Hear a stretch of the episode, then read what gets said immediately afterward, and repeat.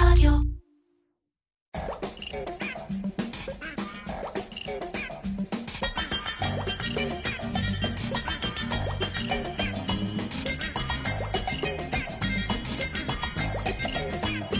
איר פודקאסט על פרסום, שיווק ובעיקר קריאייטיב, עם מירן פחמן.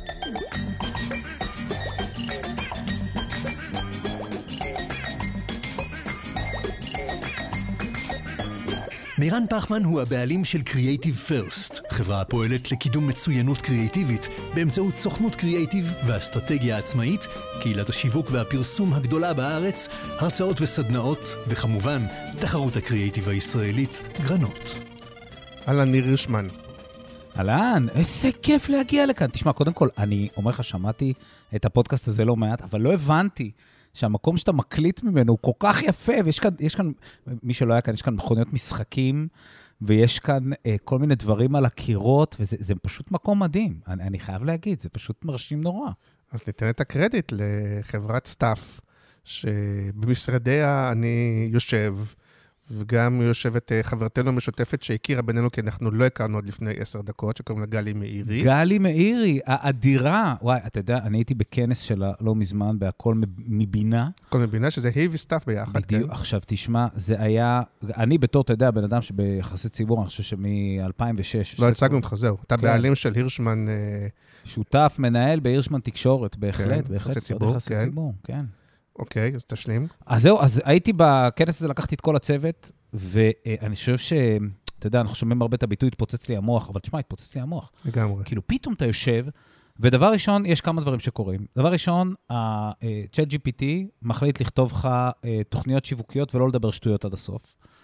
אה, תוכנות של תמונות שמסוגלות לג'נרט דימויים בשנייה, להחליף להם את הפרצופים והכול, אתה, אתה כותב להם, תקשיבי, אה, תוכנה יקרה, תעשי מה שאני מבקש ממך, מי-ג'רני, זה דברים מטורפים. ואז אתה אומר, טוב, אתה יוצא משם בתור איש יחסי ציבור, שבאופן עקרוני, התפיסה שלו בעולם זה בואו נייצר איזשהו דימוי חזק, שאי אפשר יהיה לסובב ממנו את העיניים. שאנחנו נהיה חייבים להסתכל עליו, זה לא יעזור כלום, כל העיניים יצטרכו להיות עלינו. ואז אתה אומר, בוא'נה, יש לי את הכלי האולטימטיבי. השם יעזור לי. אני עד עכשיו הייתי צריך ללכת, לא יודע, לשים אלפי כיסאות איפשהו כדי שייצגו איזה משהו. בוא'נה, יש לי את הכלי האולטימטיבי. אבל אז אתה אומר לעצמך עוד דבר אחד, שהוא דבר מסובך לא פחות. אתה אומר, תשמע, כקלייה נורא מתוך אה, זה, אתה... אני עוד לא... עוד לא הוצאתי מילה, יאללה, תמשיך, תשגר. לא, אני... כן, יאללה, לא, אתה בא, תשחרר. קודם כל- כן. כל אני נרגש. לא, אז אני אגיד לך, אז כן, פתאום כן. אתה אומר, רגע, אבל עכשיו יש לכולם את זה. אז מה אני עושה? איך אני מיוחד? אתה מבין? כולנו מתמודדים עם השאלה הזאת, שהיא לא הנושא שאנחנו נדבר עליו בפרק הזה, אבל זה נושא מעניין. אה, ו- רגע, אבל אתה יודע מה התשובה? אוקיי, יש רוצה- תשובה אחת? אני רוצה לתת לך? אני רוצה לתת לך את התשובה הזאת. כן, תומאס אדיסון אמר, הרחקתי ראות כי עמדתי על כתפי- כתפי ענקים. אני כן. יודע את זה בגלל שמחוץ לאוניברסיטת תל אביב יש כזה בלטות, כן. וכתובות על הבלטות כתובות כל מיני דברים. כיוון שהייתי מסתובב מחוץ לאוניברסיטת תל אביב הרבה, כי הלימודים שלי היו די, אה, די אה, בוא נשב בבית קפה ונראה מה קורה. אז הייתי הולך שם הרבה, ואני זוכר מה היה כתוב על הבלטות. אבל האמירה הזאת מהבלטה, היא אומרת משהו מאוד מאוד חזק. זאת אומרת, אם אתה לא תעמוד על הכתפיים של הענקים האלה שנוצרים עכשיו, זאת אומרת, על הכתפיים של הבינה המלאכותית, אתה לא תרחיק ראות. זאת אומרת, יש כאן, איזשהו, יש כאן איזושהי טכנולוגיה שהיא נולדה, ואנחנו חייבים להשתמש בה. זה היה אה, בהתחלה של האינטרנט, זאת אומרת, עם הבלוגים בתחילת שנות האלפיים. זה חזק מאוד מ-2015 עם כל מה שקשור במטבעות דיגיטליים, קריפטו, ביטקוין, טריום וכן הלאה וכן הלאה. וזה קורה עכשיו עם, ה... עם ההתפוצצות של הבינה המלאכותית, שהיא לא הלידה של הבינה המלאכותית, אלא ההפיכה שלה למשהו שהוא נגיש. כי היה עד כן. עכשיו בינה מלאכותית, אבל לא יכולנו, אני ואתה לא יכולים להשתמש בה. מהמם. עכשיו אני יכול לתת הוראות לבינה מלאכותית, והיא תעשה לי כל מיני דברים. ואם אני לא יודע איך להשתמש בה, תהיה לי בעיה, אני לא אעמוד על כתפיים של ענקים. אני צריך אומר, לעמוד על זה סולם. הבינה המלאכותית היא מבחינתך סולם. חייב, חייב. אם אני לא אעבוד עם הכלי עבודה הזה, אם אני לא אעבוד עם הסולם הזה, אני אהיה אינסטלטור גרוע מאוד.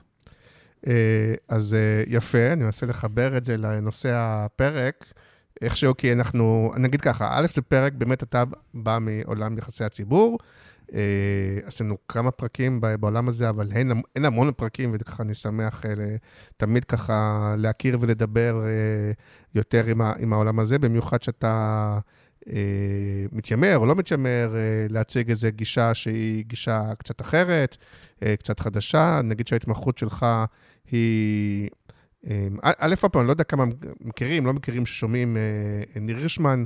אה, לי, כשגלי אה, ככה הכירה לי, אז א', הדבר ראשון ככה קפץ לי הליכודניקים החדשים. אני הפוליטיקאי הכושל ביותר בתולדות מדינת ישראל. כן. אני אסביר לך למה. אני הבן אדם היחיד שהצביעו לו עשרת אלפים איש בפריימריז, ולא נבחר, בפריימריז ראשון, ולא נבחר להיות חבר כנסת, אז זה רשום על שמי.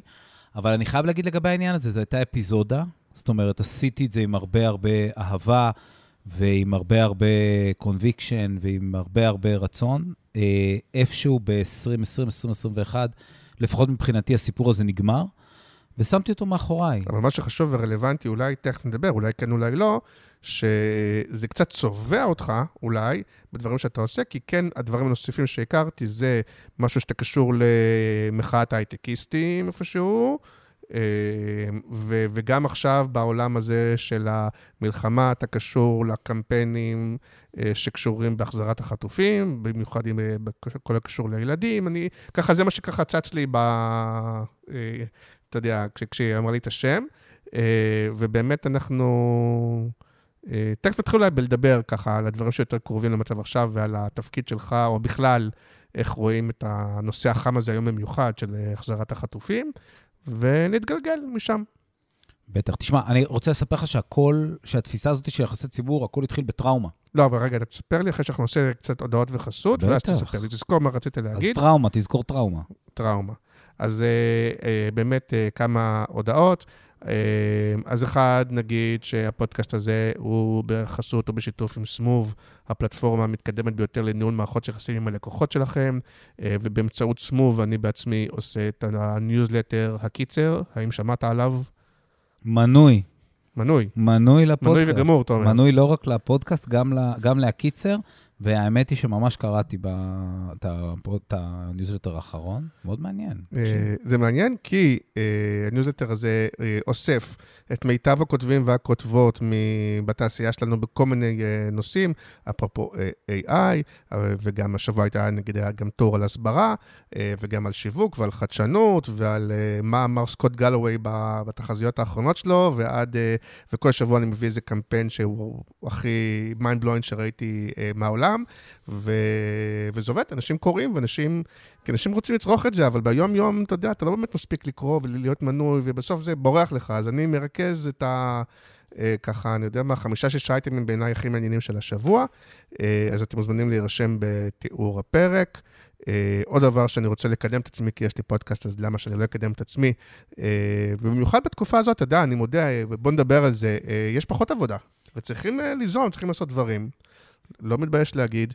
אה, אז יש לי הרצאה חדשה אה, שהיא פונה במיוחדת, היא פונה והיא במיוחד לסוף שנה ותחילת שנה הבאה, הרצאה על סיכום 2023 של כל המהלכים השיווקיים, הפרסומיים, הקריאיטיביים, שכדאי להכיר מהשנה החולפת, כי... בוא נודה בזה שרובנו לא יושבים כל הזמן ומסתכלים מה קורה בעולם, ומאוד כדאי להכיר גם טכנולוגיות וגם טרנדים, וגם uh, מהלכים וגם קריאייטיב, ו- וגם מי שרוצה לעשות אירוע סוף שנה, ו- והוא לא רוצה לעשות מסיבה וחגיגה, וזה לא מתאים, אז אני חושב שההרצאה הזאת מאוד מתאימה, אז דברו איתי. ואחרון, נגיד תודה רבה לאדיו, שמשווקים את ספוטיפיי בישראל, ונראה לי שסיימתי את uh, חובותיי ה... צריך להתפרנס. מה? צריך להתפרנס. צריך uh, להתפרנס, צריך כן. להתפרנס, זה חשוב. Uh, אבל uh, נזכרתי שיש לי איזה טראומה. מזה שאתה התחלת לספר סיפור והפסקתי אותך, ומאז אני בטראומה. לא, לא, לא, אני אספר לך על טראומה אמיתית. תשמע, כן. אני אה, לפני איזה, אני חושב שלפני איזה ארבע שנים, הגעתי למסקנה, את המשרד הקמתי אחרי שהייתי אה, יועץ תקשורת בממשלה, ודובר ועדת החינוך של הכנסת, עבדתי באמת הרבה שנים בתחום הזה, ולפני איזה ארבע שנים הרגשתי תקוע. וביקשתי מחבר שלי, פרסומאי אה, נהדר בשם יוסי צרפתי, אמרתי לו, תשמע... אה, אתה חבר של צרפתי? ברור, אוקיי. אה, יוסי צרפתי, זה הג'ינג'י האולטימטיבי. הג'ינג'י כן. האולטימטיבי, באמת. זה שאחראי על הכרזות ענקיות ב- בקפלן, שיש את הכרזה שכולם הענקיים, הוא עכשיו קשור לזה לדעתי. אחד הפרסומאים באמת הטובים שאני מכיר, אז, אז באמת להרים ליוסי. כן. אז אני אגיד משהו, אז יוסי אמר לי, תשמע, אולי תלך לשבת עם uh, יועצי תקשורת גדולים יותר ממך, ותראה אה, איך זה עובד כל הסיפור הזה. אמרתי לו, סבבה, הוא סידר לי באמת איזה שתי פגישות ככה, בדרך כלל אנחנו לא נפגשים בתחום שלנו אחד עם השני, אני חייב להגיד. Uh, והלכתי לפגישה עם דני לוי. ישבתי בפגישה עם דני לוי, והייתי, הסתובבתי על זה בתקופה הזאת עם כזה מעין uh, מצגות כאלה, הראיתי לו את המצגת, הוא מסיים להסתכל על המצגת, הוא אומר לי, תקשיב, ניר, זה מאוד נחמד שבאת אליי, אבל שתהיה בעניינים, מה שאתה מראה לי כאן, זה תיק עיתונות שכל תקציבאי מתחיל אצלי במשרד יודע לעשות. והדבר הזה לא שווה כלום.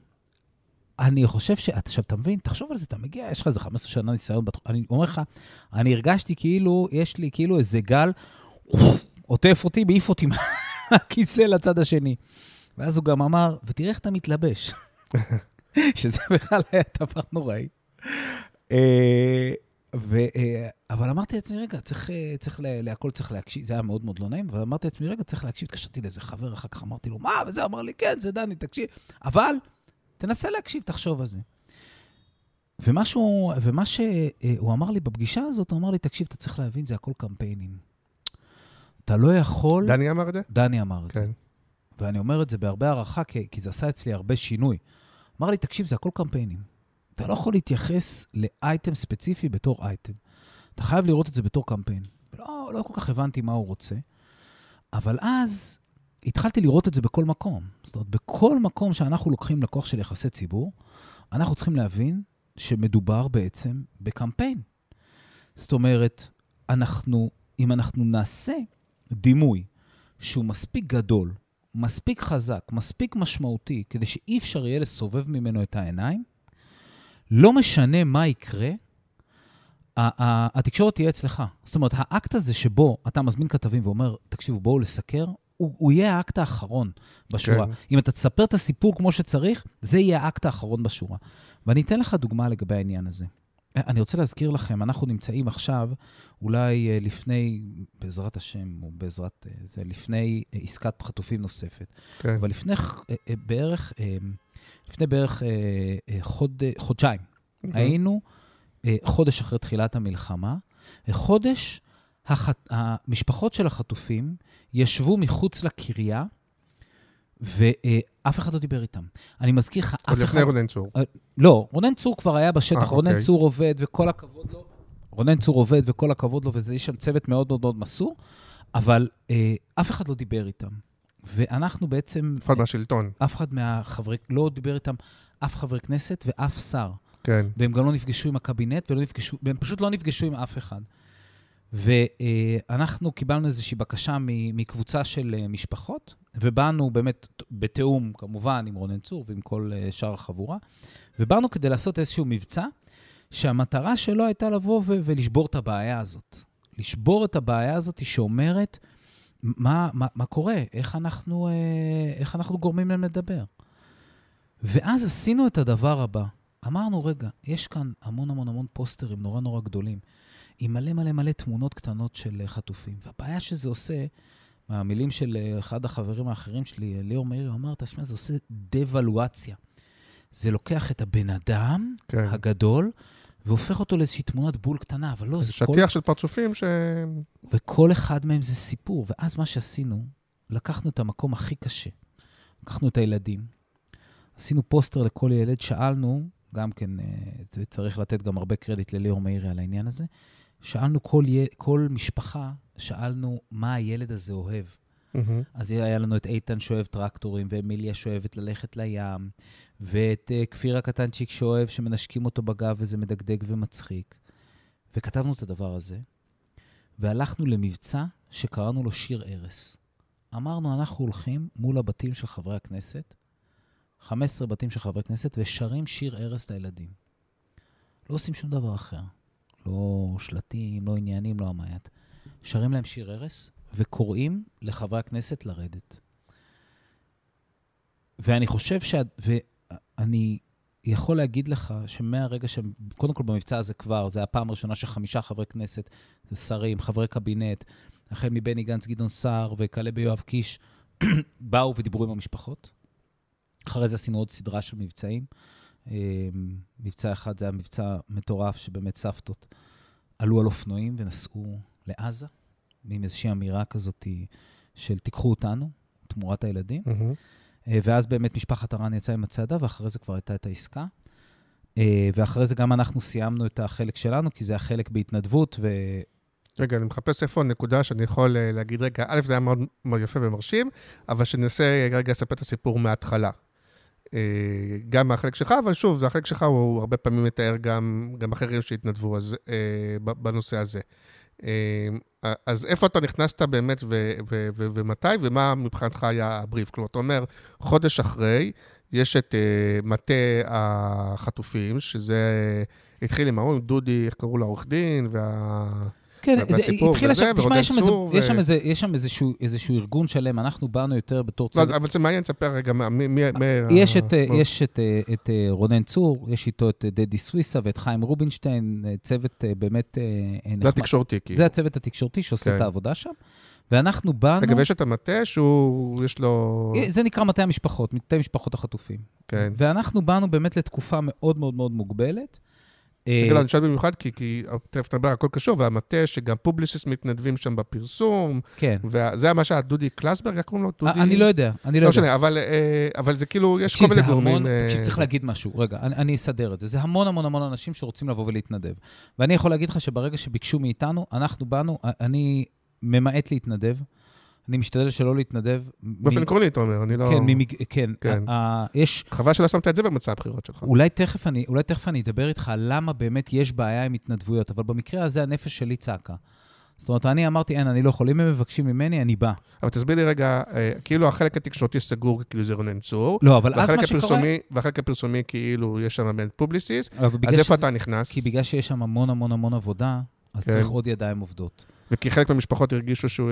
חלק מהמשפחות פנו, לא, כאילו... היה, הם... חלק מהמשפחות פנו וביקשו איזושהי עזרה, ואנחנו באנו, אני, התנאי שלי לעזור היה לעבוד בתיאום. זאת כן. אומרת, הלכנו... לא דורך להם על הרגליים? לא, אני לא דורך לאף אחד על הרגליים, אני כן. לא מתעסק לאף אחד בעניינים. באנו, mm-hmm. ישבנו עם רונן צור, אמרתי לו, תקשיב, אנחנו מאוד נשמח לסייע בנקודה הזאת והזאת והזאת. אם אתה מרשה לנו, אנחנו זה, כי אני לא אוהב להיכנס אנשים כן. בעניינים. הרשו לנו ובאמת באנו. ועשינו משהו מאוד מאוד מאוד ספציפי, שהמטרה הייתה לקחת חטוף, ילד, אמיליה, אמיליה כזאתי, ו, אה, ולח, ולפחות בתודעה הציבורית, לייצר את, ה, את הסיפור שלה. רגע, אבל לפני זה אתה אומר, המטרה הייתה לגרום לחברי כנסת, לא, לא, המטרה הייתה... לפגוש את המשפחות? לא, המטרה הייתה לגרום לציבור להתחבר בצורה רגשית לילדים שנמצאים בשבי. אוקיי, אז זה כבר חלק מהחלטה אסטרטגית של להתמקד בילדים, כי תכף נדבר על זה, גם פה יש כל מיני... אה, כי זה פשוט היה, כי זה פשוט במקרה הספציפי הזה, זה היה הכי אה, מתבקש. למה זה מתבקש?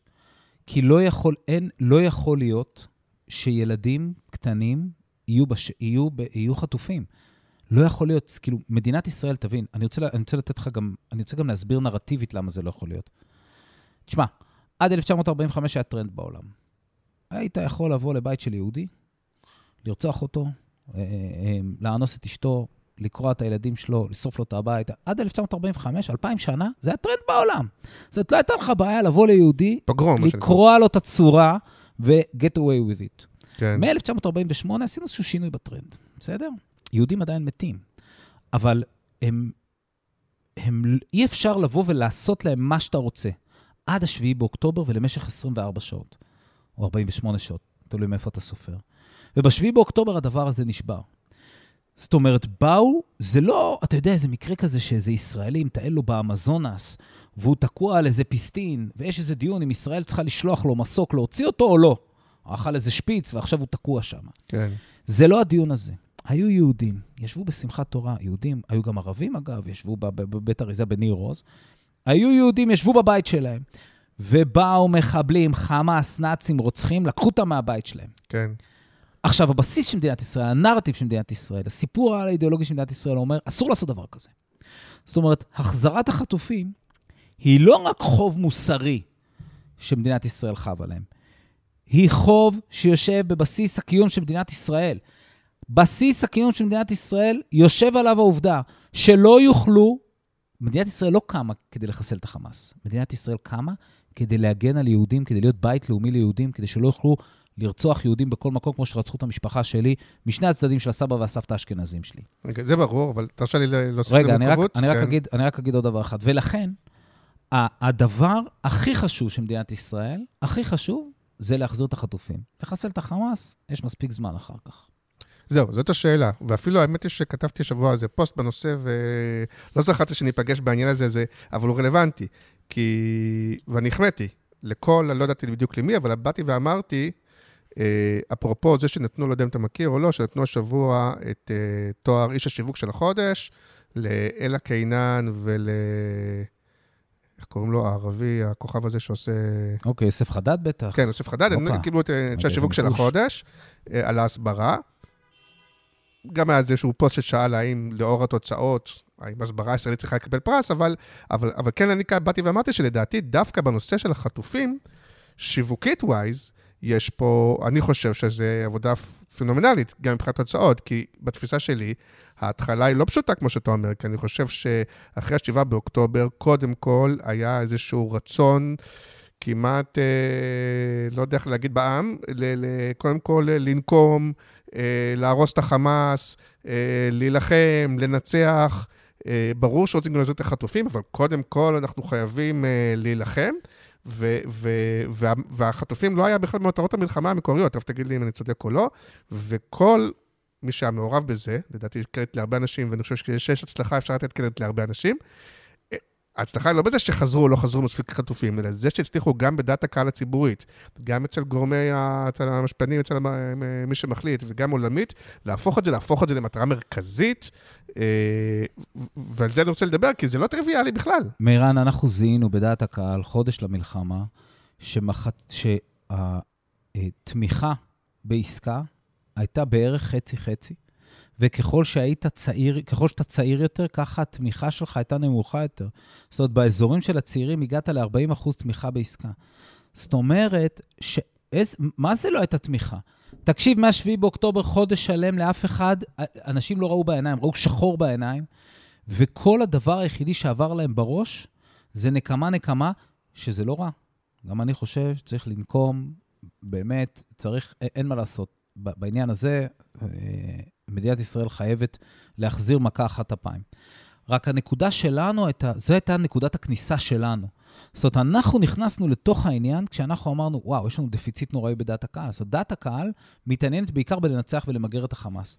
אגב, זה תחושת בטן, זה עשיתם ממש אה, מחקר, היה סקר. מחקר, היה מחקר. כן. היה מחקר.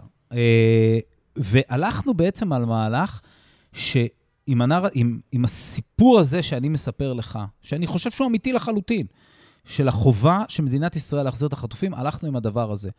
והשיטה להחזיר, ואני חושב שזה גם השיטה היום, זה לדבר על בן אדם, בן אדם ספציפית. אני יכול להגיד לך שהלכתי, תוך כדי הדבר הזה, הלכתי ל, אה, גם ליניב ויצמן מטינק, וגם אה, אה, לחבר'ה של אה, מתחת לרדאר, ומה שעשינו איתם זה לקחנו קבוצות של משפחות שזה חטופים. יותר הצעירים, בני כן, נוער. כי הבנו שיש לנו דפיציט נוראי בבני נוער.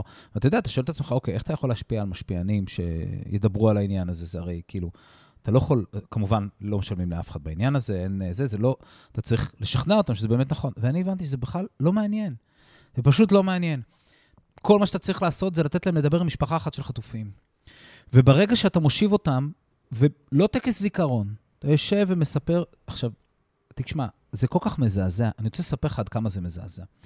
ב, אה, ואני רוצה לספר לך סיפור דווקא שמח, כי מי שאני מספר עליה את הסיפור חזרה, והיא בגן בחזרה. אז אני רוצה לספר לך את הסיפור על אמיליה. אנחנו שמנו אה, את ה, אה, על הפוסטר של שיר ארז, שמנו את אמיליה, אוקיי? והיא ילדה חמודה בת חמש בגן.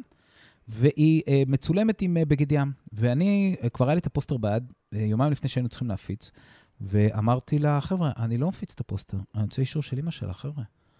זה ילדה, אתם מפגרים? מלחמה, מלחמה, אבל זה ילדה, אני צריך אישור של אמא ים. שלה. אמרו, שלי, אמרו לי, לא, יש של דוד שלה. אמרתי לו, תגידו, מה, אתם נורמלים? ויומיים התווכחתי עם הצוות. לא, מה אתם...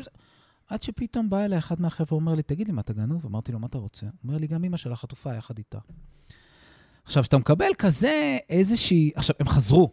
הם כן. חזרו. הם חזרו. איזה כיף, אמיליה, הייתה, אמיליה בגן, אימא שלה ביבנה, הכל בסדר. אבל אז אתה מקבל כזאת סטירת לחי, באמת, אני אומר לך, זה ה- ה- הקמפיין הכי קשה, הכי קשה, בי פאר הכי קשה, מצאתי את עצמי, אני רוצה להגיד לך, ב- לא הבנתי, למה הוא הכי קשה? לקראת סוף הקמפיין הזה, אני מצאתי את עצמי בבית חולים. כי המ- המסע הנפשית היא כל כך ענקית. תשים אה, לב, במובן הזה זה ברור, כן. תשים לב שאנחנו, כשאתה מסתכל היום בחדשות, כל יום מרגיש, מהדורת חדשות מרגישה כמו יום הזיכרון. וזה כבר נמשך כמעט חודשיים. למה? בגלל שכמות הסיפורים שצריך לספר אותם היא עצומה. היא עצומה. והנקודה היא שכל חטוף, תחשוב מה קרה למדינה בסיפור של גלעד שליט. תחשוב איך המדינה הג'דננה, איך היו עושים גלעד עדיין חי, היו צובעים את הרחובות, עשו צעדות, עניינים, מה שאתה רוצה. ויש לנו, עכשיו חזרו 100 ומשהו כאלה, ועוד יש לנו כמעט 140 כאלה בחוץ. וכל סיפור שם, כשאתה שומע אותו, אתה לא יכול, אתה לא יכול קליק, אתה לא יכול לא להתחבר רגשית במכה אחת. ולכן, אתה צריך לייצר תקשורת כשאתה רוצה להניע מהלכים ציבוריים. ואני, הדבר שאני, בעוונותיי, יוצא לי לעשות אותו הכי הרבה, זה להניע מהלכים ציבוריים במדינת ישראל. אה, חלקם קטנים יותר, חלקם גדולים יותר, אבל הדבר שאתה צריך, אתה צריך להתחבר רגשית. ואתה צריך להתחבר רגשית לדעת הקהל. וכשאתה מדבר על החטופים, אני לא יכול להתחבר למאה ומשהו איש. אני יכול להתחבר ל- אה, לאלון שמריז אחד. אני, אה, לצערנו, נהרג עכשיו. אני יכול להתחבר לבן אדם אחד, אני יכול להתחבר לאיתן החמודי, הבן שמונה, גם הוא חזר אגב, שאוהב טרקטורים. זה האמת שאני יכול. אני יכול... אני ת- יכול... תן לי מדי פעם ככה, אני חושב שזה, אני שואל את עצמי אם זה כן. לראיין אה, או לארח מישהו שהיה דובר, או שהוא שזה זה יותר קל, זה פחות קל, אם זה... אה, אתה יודע, אז אני לא עיתונאי, אני... אז בוא נהיה כזה כמו חברים, כי זה אין פה... אה, רגע, ואיך עד עכשיו, כיף לך? לא, כיף, אבל אני מרגיש שכאילו שאני מיותר קצת. אבל אני אגיד לך למה, כי, אני, כי א', כמו שאתה אומר, הוא נכון ויפה ו- ו- ומקסים. אה, אני אגיד לך דברים שככה הטריד- הטרידו אותי, וגם תגיד לי אם זה נכון, כי באמת אני בטח. לא איש מקצוע בעניין הזה. האם כן היה פה, מצד אחד, אני אומר לך, גם בדיון שהתעורר בקבוצה, ב-Creative First, מצד אחד יש כאלה שבאים ואומרים, כמו שאתה אמרת, שמע, זה סיפור הכי רגשי, זה ילדים, זה חטופים, זה כאילו, כאילו קהל תקשורתית. אבל אני חושב שהוא הוא, הוא התמודד או התחרה עם סיפור רגשי לא פחות קשה, ויש פה כמה שאומרים, זה כן אחד על חשבון השני, לא אחד על חשבון השני, אבל יש פה שני נרטיבים רגשיים מאוד חזקים. בסיפור הרגשי השני, זה באמת כל הנושא הזה של לנצח ו- וחד משמעית, ולא לוותר ולא להפסיק. אז האם באמת הדבר הזה, הוא, הוא עומד לכם בראש, ו... כי, כי אני מרגיש שפעם אחת גם אתם, אני מתייחס לכולכם ביחד, בסדר? אני לא עושה... ואתה גם כרגע מייצג את כל ה... זה לא דווקא מה... מבחינת, לא, אתה יכול להגיד איפה אתה מתחבר יותר, איפה פחות, אבל אה, האם יש אה, מקום שבו אתם אומרים, אה, אנחנו לא רוצים להגיד שזה או אנחנו או לנצח, זה לא אחד על חשבון השני, או שזה כן מבינים שיש פה קצת אה, קרב על הנרטיב, או כל ההתמודדות הזאת שהיא כן נראית לי מורכבת. קודם כל, אני לא מדבר בשם משפחות החטופים. אה, אה, משפחות החטופים מדברות בעד עצמן. אני חושב שגם... חס ושלום, התכוונתי לא, שתדבר בשם עולם לא, לא, חשוב. התקשור, ההד התקשורתי אשר בעד החטופים, אפילו אם זה לא מה שאתה. עשית במו ידיך. לא, זה חשוב מאוד, כאילו, אתה צודק, כן. רק זה חשוב מאוד העניין הזה, כי גם, גם אה, מטה המשפחות, כשהוא מדבר, אז הוא תמיד אה, שואל את המשפחות, האם הם, זאת אומרת, הוא מחפש את הגיבוי של המשפחות תמיד, והוא לא עושה דברים לבד. וגם לא אני- כולם כל אחד תמיד. נכון, הם גם, הם גם מחולקים, אתה יודע, זה, נגיע יש, גם לזה. יש לנו כאן מאה ומשהו אסונות שונים, כן. שלכל אחד יש את, ה, את האסון שלו. ועכשיו אנחנו צריכים, ואז מה שאנחנו צריכים לעשות כשאנחנו מטפלים בדבר כזה, אנחנו בעצם צריכים להגיד באיזשהו שלב, קודם כל אנחנו צריכים להגיד, תקשיבו, אנחנו, אנחנו נורא אוהבים אתכם, ו, אה, ואתם אתם מדהימים, ואני מבין שעובר עליכם משהו נורא נורא קשה. אבל אז אנחנו צריכים לעשות את הדבר הבא. אנחנו צריכים לקחת שכפ"ץ קרמי רגשי, אנחנו צריכים להניח אותו על, ה, על הגוף שלנו, ואנחנו צריכים להיות מקצוענים. וכשאנחנו מקצוענים, אנחנו צריכים להשתמש בכלים מקצוענים, בכלים מקצועיים, כי יש לנו איזושהי מטרה. אני מאמין בכל מאודי שהחוב של מדינת ישראל הוא קודם כל, קודם כל, להציל יהודים, ואחרי זה לנצח את האויבים. זו האמונה שלי. כן. זו האמונה שלי. אני מאמין בכל מאודי שאם יש יהודי במצוקה, צריך להוציא אותו. זה בסדר, אבל אתה מבין שלא כולם חושבים ככה, ואתה רוצה מסכים. לגרום לזה שזה יהיה... אני מסכים. עכשיו, מכיוון שאני מאמין בזה, אני אומר את הדבר הבא. יש יהודים, אני בכוונה אומר יהודים, אני יודע, יש גם בדואים שם, אבל יש יהודים, ובגלל זה קמה מדינת ישראל. מדינת ישראל קמה כדי להיות בית לאומי לעם, כדי להיות בית לאומי לעם היהודי. יש יהודים, יש יהודים שנמצאים עכשיו בעזה חטופים. אנחנו, יש לנו מחויבות עליונה קודם כל להוציא אותם. עכשיו, אני אגיד לך מה אני לא. אני לא יודע איך. אני, ברוך השם, קצת כמוך, השתחררתי בתור סמל ראשון בשריון, עשיתי 15 שנה מילואים בטנקים. כל מה שאני יודע להגיד זה נהג קדימה אחורה, נהג אחורה מהר, תותח עץ 6 טנק על, אפילו הטנקים שלי כבר לא נמצאים. זהו, כן. זה לא קיים יותר. מהמם. אז אני לא מבין בצבא, אני לא מבין במדיניות. אני כן מבין במשהו שקשור בעולם הדמוקרטי. בעולם הדמוקרטי מקבלי ההחלטות צריכים לשקול את השיקולים שלהם, והשיקולים שלהם מורכבים מדעת הקהל, מהערכים שהם אה, ניזונים מהם, ומהאילוצים המדיניים. עכשיו, אני יודע דבר אחד, זה לא משנה מה, אז יש להם דעת קהל, יש להם אילוצים מדיניים ויש להם את הערכים שלהם, אבל אם דעת הקהל אומרת להם, תשמעו, לא מעניין אותי אה, חטופים, אז הם לא יכולים להוציא את החטופים. אז אני יודע שאני צריך לקחת את כף המאזניים של דעת הקהל, ואני צריך להראות לישראלים את הדבר הבא. המחויבות, לפחות באותו חודש ספציפי, כן. כן. שזכיתי לעבוד עם משפחות החטופים בהתנדבות, בדיוק באותו חודש. זאת אומרת, חלק אז מהזמן אני- אתה מייצג וחלק מהזמן אתה פרשן, נגיד, למה שקורה עכשיו, כן, לא... אבל- בסדר, לא, זה אוקיי. חשוב רק לדייק. כן. אז, אז בחלק זמן הזה, אני חשבתי שנכון למלא את הכף הזאת של המאזניים ולהסביר לעם ישראל, להסביר לאזרחי ישראל, להזכיר לאזרחי ישראל את המחויבות שלהם להחזרת יהודים שנחטפו מבתיהם. והנקודה היא, זה שברגע שאתה חושב על זה, ליותר משתי דקות, אתה לא יכול שלא להבין את זה.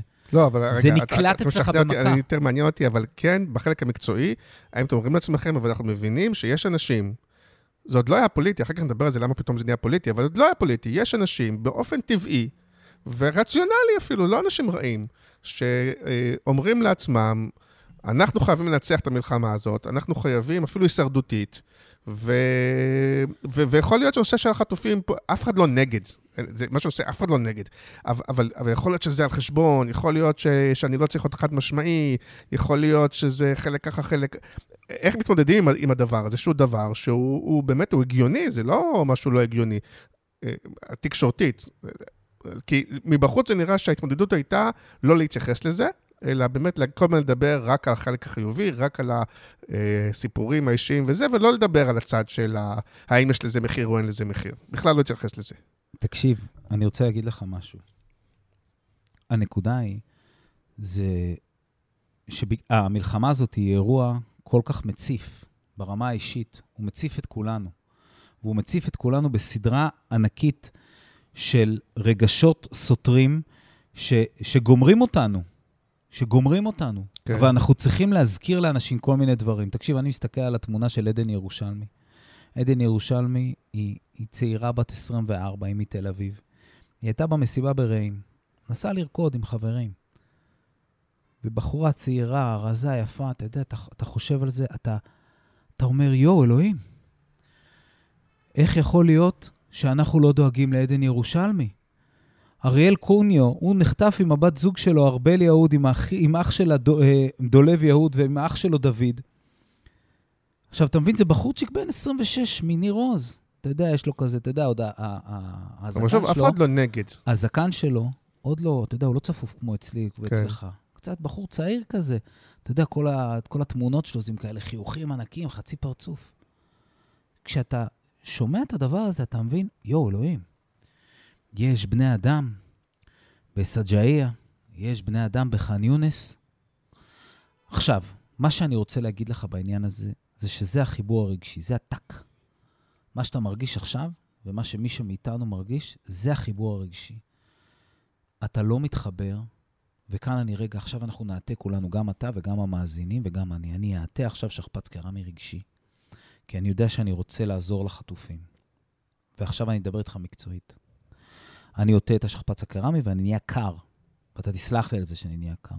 אם אני לא אומר מי זה הבן אדם הזה, אם אני לא מתאר את הזקן שלו, אם אני לא מתאר את הזה שלו, אם אני לא מתאר שעדן היא רזה ושהיא שחרחורת ושהיא מתל אביב, אם אני לא מתאר שהיא צעירה, אם אני לא, מתאר, אם אני לא עושה את הדבר הראשון שמלמדים אותנו בכל סדנת כתיבה, show, don't tell, כן. אם אני אומר החטופים, ואני אומר 139, אם אני לא מספר, אני מעלים את בני האדם והופך אותם לנתונים, הופך אותם לסטטיסטיקות. וכדי להחזיר אותם נרטיבית בסיפור העל האידיאולוגי של המדינה לחיים, אני רוצה שהם יחיו אצלך בראש. כדי להחזיר אותם לחיים, אני צריך לספר עליהם אחד-אחד. וכשאני מספר... למה כולנו מתחברים לכפיר ביבס? למה כולנו יודעים שהוא תינוקי? כי אנחנו זוכרים. כי אנחנו זוכרים שהוא קטנצ'יק. כי אנחנו זוכרים שאבא, שהוא מאוד, שהוא צוחק, כשאבא מנשק אותו בגב וזה מדגדג ומצחיק. נכון. רגע, אתה לא עונה לשאלה של אני ה- עונה, זה. אני עונה. אתה זוכר את השאלה? אתה יודע מאיפה המשפט הזה? המשפט הזה זה משפט של עופרי. עופרי ביבס, אנחנו התקשרנו אליה, עופרי דודה שלו, התקשרנו אליה, אמרנו לה, תגידי לו משהו, מש, תגידי משהו מעניין על כפיר. היא אמרה, תשמע, הוא תינוקי קטן. אמרנו לו, יופי, אז תגידי משהו, משהו על כפיר. וזה מה שהיא אמרה. עכשיו, אתה מבין שהדבר הזה, תקשיב, איזה תינוק לא אוהב שהם נשקים אותו בגב כן. כן. מצחיק? איזה, איזה תינוק לא אוהב? כולם. אבל מה שזה אומר, זה show, don't tell. זאת אומרת, מהמם. אני עם המילים שלי, אני מראה לך מה קורה במציאות. וזו החובה האזרחית שלי, להראות לך מה קורה במציאות. וברגע שאני מראה לך מה קורה במציאות, מכיוון שאתה ישראלי ערכי, לפחות כמוני, אם לא יותר, וכל האנשים ששומעים אותנו ישראלים ערכיים, לפחות כמוני, אם לא יותר, אז בתוך דעת הקהל הציבורית, הכף, ה- הכף של המאזניים הולכת ומתמלאת. זאת אומרת, הם אומרים, רגע, פתאום דעת הקהל אומרת, רגע, רגע, רגע, יש בני אדם בעזה. וואו, אני עושה כזה תנועה עם הידיים, איך הכף מתמלאת בגלל שלא כן. רואים. אוקיי, אז, אז, אז וואו, יש בני אדם בעזה, רגע. ואז הכף הזאת מתמלאת, ואז אה, כף של המאזניים, כן? ואז היא נהיית יותר ויותר כבדה. וואו, ולבני אדם האלה יש שמות. וואו, ויש להם משפחות. וואו, והם אהבו. וואו, והם שנאו. וואו, ויש להם uh, זקנצ'י קטן כזה. וואו, והם מחייכים. פתאום אתה אומר, יואו, אלוהים, אני חייב להוציא אותם. ואז אתה מקבל שינוי בדעת הקהל. ואתה מקבל שינוי בדעת הקהל לא בגלל שאנשים הם אה, לא חכמים ואתה שכנעת אותם או הסגברת להם או הראת להם את האור. אתה פשוט הזכרת להם משהו שהיה שם אצלם, אבל בגלל ההצפה הנוראית הזאת של המלחמה, בגלל שהמלחמה הזאת לא אפשרה לנו, כמות הסבל הנוראי אה, אה, אה, שאנשים פה עברו, הציפה אותנו טוטאלית, שאנשים או נסגרו, או סגרו את עצמם, או, או למה אנשים כל כך יצאו להתנדב? כי הם לא יכלו להכיל את מה שקרה. אז, אז הדבר הזה בעצם, אתה מזכיר להם איזשהו משהו מהישראליות שלהם. ברגע שאתה מזכיר להם את הדבר הזה, אז דעת הקהל מתחילה להשתנות. וזו זו הנקודה. להזכיר לך את השאלה, אבל רגע. לא, זה- מקסים, אני לא למה? בכלל, אני מזכיר את זה, אבל כי באמת זה מעניין אותי. כי, כי, כי, א', זה לא, אני חושב שזה זה קצת, אה, מה שאתה תשאל, מספר מירן, עכשיו, למה אתה לא שואל? זה קצת, אה, מה שאנחנו משתמשים כדימוי שלילי, ופה זה דימוי חיובי, זה קצת חיממו את המים בתוך האסיר. כלומר, אנשים לא יודעים לדווח לעצמם שפתאום הם הרבה יותר מרגישים כי הם שמעו סיפורים, כי עשו להם, אתה יכול להגיד, לקרוא לזה אפילו מניפולציות תקשר, תקשורתיות, במובן החיובי, שהראו להם תמונות, סיפרו לי סיפורים, את המשפטים כמו שתיארת, ובגלל זה הם, כולנו הפכנו להיות יותר בעד. אתה לא יודע לדווח את זה לעצמך, וזה קרה. השאלה היא, אם- האם מול הסיפור הזה, עמד הסיפור של הנרצח, והאם אתה חושב, או אפילו אני לא חושב, זה, זה, זה, לדעתי זאת עובדה, איך מתמודדים עם זה, שבסוף אנשים צריכים בליבם, כי הם לא מחליטים כלום, בליבם לשבת ולהגיד, רגע, אני רוצה שיחזירו את החטופים עכשיו בכל מחיר, או שאני רוצה שינצחו במלחמה, ו- ואיך אני מתמודד עם שני הדברים האלה, שאני רוצה ששני הדברים יקרו, והם קצת נלחמים אחד בשני. תקשורתית, איך מתמודדים עם זה? זאת הייתה השאלה. קודם כל, אין לנו שום חובה להתנגד, להתמודד עם הדבר הזה תקשורתית. אנחנו צריכים לחדד את, הדיל... אנחנו צריכים לחדד את הדילמה. דילמה היא הכרעה בין שני דברים נכונים. כאילו, ככה אתה מגדיר דילמה. כן, אם אה, לעשן זה רע ולעשות ספורט זה טוב, אין דילמה. כן, צריך לעשות ספורט ולא לעשן. יכול להיות שאני אעשה הפוך, אבל אין דילמה. כן, זה ברור. אוקיי? פה יש דילמה. יש שני דברים שחשוב לעשות אותם. מה שאנחנו עושים זה אנחנו מחדדים לאנשים את הדילמה. זאת אומרת, אנחנו אומרים להם, תקשיבו, יש, זה לא שיש רק דבר אחד חשוב. יש עוד דבר חשוב שהוא לא פחות חשוב. וברגע שאנשים מבינים את זה והם רוצים את החזרת החטופים, גם הקברניטים מבינים שהציבור רוצה את החזרת החטופים. ואני מזכיר, לקברניטים יש דעת קהל, יש ערכים ויש אילוצים מדיניים. אם דעת הקהל לא אומרת להם, תקשיבו, יש כאן דילמה, ולא יכול להיות שאתם תשכחו את החטופים, לא יכול להיות שאתם תוותרו עליהם, אז הם לא יכולים לוותר עליהם. אבל בהרגשה שלי זה כן התחיל מלא פחות חשוב. זה התחיל והפך מ- להיות, זה עכשיו עוד יותר חשוב. לא, זה התחיל מ... אנחנו רוצים אותם עכשיו. זה התחיל מ... אה, הם אכלו אותה, והכל נגמר והם גמורים. ככה זה התחיל. זה התחיל, בכ... לדעתי, כמעט אפס מוחלט, שאביחי ברוד... אני זוכר שראיתי את, את אביחי ברודץ', אביחי ברודץ', כל המשפחה שלו חזרה, איזה כיף, איזה שמחה. אבל אביחי ברודץ', אני זוכר ביום יומיים הראשונים, הוא התראיין לטלוויזיה, אני יודע שאני הסתכלתי, אני ראיתי את זה, לא יכולתי להאמין. לא יכולתי להאמין שהוא מתראיין בטלוויזיה. קודם כל, לא יכולתי... הוא היה... איזה, איזה בן אדם חזק, אלוהים שיעזור לי. איזה בן אדם, אני לא חזק, אני לא חזק מאית מאביחי ברודץ', עומד בטלוויזיה, אומר, חטפו את אה, אשתי ואת הילדים, צריך להחזיר אותם, הם דפוקים, תחזירו לי את הילדים, אתם גנובים. עכשיו, אני אישית, הייתי בוכה הכי תמרורים, לא הייתי מסוגל לגמור את הרעיון, כל הרעיון הייתי מייבב כמו, כמו איזה כרוכיה. אה, או כמו בן אדם שחטפו לו את הילדים ואת האישה. עכשיו, אתה כן. מבין, אתה אומר, וואו, איך, איך, איך הדבר הזה קורה? איך זה יכול להיות? כאילו, איך, איך אנשים מחזיקים מעמד? וואלה, קיבוצניקים, הם יצוקים מעופרת מיוחדת, זה בני אדם, פלדה יצוקה, זה כלום לעומתם. אז אה, עכשיו, אה, ואז אתה אומר לעצמך את הדבר הבא. אתה אומר, טוב, המדינה פשוט לא מתייחסת לזה. זאת אומרת, אין, הדבר היחידי שיש במדינת ישראל בחודש הראשון זה להשמיד. להשמיד את החמאס, להשמיד את החמאס, להשמיד את החמאס, להשמיד את החמאס. אף אחד לא מעניין אותו. כן, לא, זה לא שלא מעניין, אבל כאילו יש את האמוק הזה. אז יש... אה, בוא נגיד לא מעניין, ברור וזה שמעניין. לא... זה כי, אני אגיד לך מה קורה, כי המוח שלנו, אנחנו לא מסוגלים להתעסק עם המון המון המון דברים. והכמות הסבל הנוראית הזאת שנפלה עלינו, היא הייתה מציפה בכל קנה מידה. אי אפשר, לא יכולת להתעסק בכלום. למה אנשים הלכו לבשל? כן, לא, וגם זה- תפיסתית, אני חושב זה שזה תפיסתית, החזרת החטופים היא כאילו... היא עלולה לפגוע במלחמה, תפיסתית, אני לא יודע איך להתייחס אם זה נכון או לא. אנחנו מדברים עכשיו תפיסות וציבור. תפיסתית, יש בזה משהו שאולי אחד פוגע בשני. אני לא יודע, אני, אני טוען שלא. כן. אני טוען שלא. בסדר, אבל אתה עוד פעם, תפיסתית, אבל- אתה צריך לשכנע. לא, אבל אני אגיד לך למה, אני טוען שלא. קודם כל, אני טוען שלא, כי אם אני אזרח מדינת ישראל, ואני יודע שהמדינה ת- אה, תחזיר אותי, אז אני גם אגיד לעצמי, טוב, אז אני צריך ללכת להתנדב לצה"ל, אני צריך לדאוג שהילדים שלי ילכו כן, לקרבי. אבל יש השיחה שלנו שיחה צריך, אה, זה- מקצועית שיווקית, אז אני אומר, אתה טוען שלא, איך אתה גורם לזה שהציבור יטען שלא, שלעשות את השיפט הזה לציבור, להגיד לו, תקשיב, זה לא חצי-חצי, לא אתה צריך, צריך יותר להיות בצד הזה. אני לא צריך להתייחס לזה. כל מה שאני צריך לעשות זה דבר אחד, זה להזכיר לציבור הישראלי שיש שם בני אדם. כי בד... מה אנחנו צריכים? אנחנו צריכים להתחבר, ואני לא רוצה, זה לא מניפולציה, זה פשוט להתחבר לערכים האמיתיים של בני האדם, ולהזכיר להם משהו שהם אולי שכחו. הישראלים הם אוהבי חיים ואוהבי אדם. איך שלא תסובב את זה. כן. אין כאן תרבות של מוות, אין כאן תרבות של התאבדויות אה, המוניות כמו, כמו באסלאם, אין כאן איזה תרבות אה, של, אה, לא יודע, יש כאן תרבות שהיא מקדשת חיים. באופן כללי, יהודים מתים בשביל השבט שלהם, זה מה שהם עושים. אני- טיפה עוצר אותך, כי יותר מעניין אותי החלק רגע, המקצועי. שנייה, זה כאן כן. החלק המקצועי. אז עכשיו אתה שואל את עצמך, טוב, איך אני מחבר אותך בחזרה לנרטיב שלך? אני לא צריך להגיד לך, בוא תתחבר לנרטיב, אח שלי. אז אמרת, אחד, אתם נותנים להם פנים ושמות רק וסיפורים, ומתייחסים פנים, אחד-אחד. שמות וסיפורים. זה הכל, לא צריך יותר מזה כלום, לא צריך להיות גאון. לא, אבל יש דברים שנעשו, חלקם על ידך, חלקם לא, רגע, רגע, אני... ואז, כן. ואז, שנייה אחת, ואז קורה הדבר הבא. ברגע שאתה נותן פנים ושמות למשהו, אתה, אתה, ואתה, ואתה נמנע לחלוטין מלהיכנס לשאלות מדיניות, אז אתה מצליח לי- לייצר את השיפט בדעת הקהל. כי העמדה שעוזרת לאנשים לפרק את הכל היא כזאת. אני מזכיר לך, אמרתי לך מקודם, הייתי רק סמל ראשון בשירון. העמדה היא כזאת, היא אומרת ככה, אני יודע שיש חטופים בעזה וצריך להחזיר אותם, אבל אני לא יודע איך. ובשביל זה בחרתי בבחירות, ולכן זו האחריות שלכם, מקבלי ההחלטות. אתם הייתם אה, עשרות שנים בשלטון, אתם הייתם עשרות שנים בתפקידים ביצועיים, אתם הייתם עשרות שנים בצבא, אתם הייתם, אה, כל הקשת אגב, כל מי שנמצא בממשלה, לא אכפת לי מי, אתם, זה האחריות שלכם.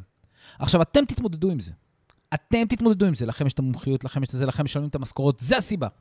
אני לא צריך לפתור את זה, אני לא אפתור לכם את זה, אני לא יודע גם איך לפתור את זה. אוקיי, אז תספר לי, רגע, אחד מהדברים, רגע, עוד דבר אחד אני אגיד לך. אחד מהפיטפולס, אחד מהנקודות הקשות בתור יועץ תקשורת, זה שעולה מישהו שהוא מאיזושהי משפחה של חטופים, ושואלים אותו, אז מה אתה אומר? צריך לעצור את הלחימה, צריך להמשיך את הלחימה. ואנשים בדרך כלל עונים על השאלות ששואלים אותם, אבל אותו בן אדם לא צריך לענות על השאלות. אותה אימא לא צריכה, היא צריכה להגיד, אין לי מושג. הם מתודרכים לפני? מי מתודרך? המשפחות שעולות לשידור מי וכאלה. שבא, לו, מי שבא לו לשאול מה חושבים, מה כדאי להגיד, אז מתקשר, אבל uh, התשובה היא באופן כללי לא. זאת אומרת, הם לא... זה, אני חושב שהסיבה הסיבה היא, קודם כל, אני אף פעם לא מאמין בתדרוכים. אני לא מתדרך לקוחות. אני, המקסימום שאני עושה זה אני עושה סימולציות. זאת אומרת, אני הולך ללקוח ואני שואל אותו, אני יורה עליו את כל השאלות. יש לי איזושהי שיטה כזאת, אני ניגש ללקוח, אני שואל אותו את כל השאלות שהולכות להיות ברעיון, ואז אני שואל אותו עוד פעם את השאלות שהולכות להיות ברעיון, ואז אני נותן לו ללכת לדבר. לא, אבל אתה כן יכול להגיד לו, תקשיב, אם אתה תגיד שצריך אה, אה, לעצור עכשיו ו- ו- ולוותר עכשיו וזה, יכול להיות שכתוצאה מזה אנשים יחשבו שהם פחות אה, בעד כי, כי הפסדנו. אז אתה, אל תגיד את זה, תגיד, אני לא אגיד לכם מה לעשות, ואתם אה, הנבחרים, תחליטו אתם. כלומר, זה איזושהי עצה שהיא עוזרת למאבק. בני אדם הם לא בובת כפפה. לא, ברור, אבל אם הבן אדם יחשוב שזה הגיוני, הוא ישתמש בזה. בני אדם הם לא בובת כפפה, והם גם לא מריונטות. זאת אומרת, אתה כשאתה נכנס אה, לדיון עם לקוח של יחסי ציבור, אתה צריך להגיד לו, תקשיב, אה, זה מה שאני שומע. אני יכול להציע לך אופציה, אני חושב שזה נכון, תעשה מה שאתה רוצה. אבל הנקודה היא, זה שקורים שני דברים. קודם כל, אחת מהבעיות הכי גדולות אצל מרואיינים, במיוחד מרואיינים, אתה יודע, בתחום השינוי הציבורי, אז אתה אף פעם לא מתעסק, אתה לא יודע אם אף פעם, אבל אתה הרבה מאוד פעמים מתעסק עם אנשים שאין להם ניסיון בתקשורת. אז אם אתה מנסה לתדרך אותם, מה שיקרה זה שהם יחנקו בתוך האייטם. זאת אומרת, הם יתחילו לדבר, ואז הם כזה, רגע, מה... אסור לי להגיד, מה כן מותר לי להגיד? מה הייתי אמור להגיד? רגע, איפה הדף שלי? ואז הם ישתנקו. אז אני לא מעניין אותי. אני יודע. אני יודע שכל מה שאני רוצה שיקרה למרואיין זה שכל הבפנוכו שלו יצא החוצה. קצת כמו שקורה לנו. בפודקאסט הזה. זאת אומרת, אני שופך ואתה מקשיב. אז זה מה שאני רוצה שיקרה למרואיין.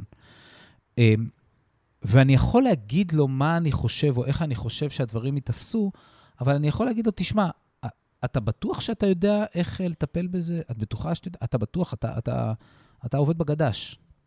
אתה, אתה יודע איך אה, לפתור את הבעיות? בדרך כלל אנשים יגידו, וואלה, אה, לא יודע. וכאילו, אתה מבין, כל עוד אנחנו, כל אחד מאיתנו מבין במה הוא מבין טוב ומה הוא יודע טוב, אז הדברים גם עובדים טוב תקשורתית. עכשיו, צריך להגיד משהו, בקטע הזה בתקשורת, יש, זה קטע לא כל כך פייר. זאת אומרת, לא פייר לשאול משפחה של חטופים, אתה יודע, שאלו, אני אגיד לך ככה, שאלו את גאולה כהן, גאולה כהן הייתה נגד uh, עסקת ג'יבריל. אי שם ב-1985 נחטפו שלושה חיילים, הוחזרו בעד 500 uh, מחבלים uh, בלבנון. Uh, אנשים שאגב, אחר כך התברר שהם התחילו את האינתיפאדה הראשונה. בכל מקרה, אז גאולה כהן התנגדה, ואז שאלו אותה, תגידי, ואם צחי הבן שלך היה בזה? אז היא אמרה, אני הייתי uh, בעד כל עסקה מתחת לכל עץ רענן. הייתי צועקת שחייבים לעשות ברור. חייבים לעשות הכל כדי להחזיר.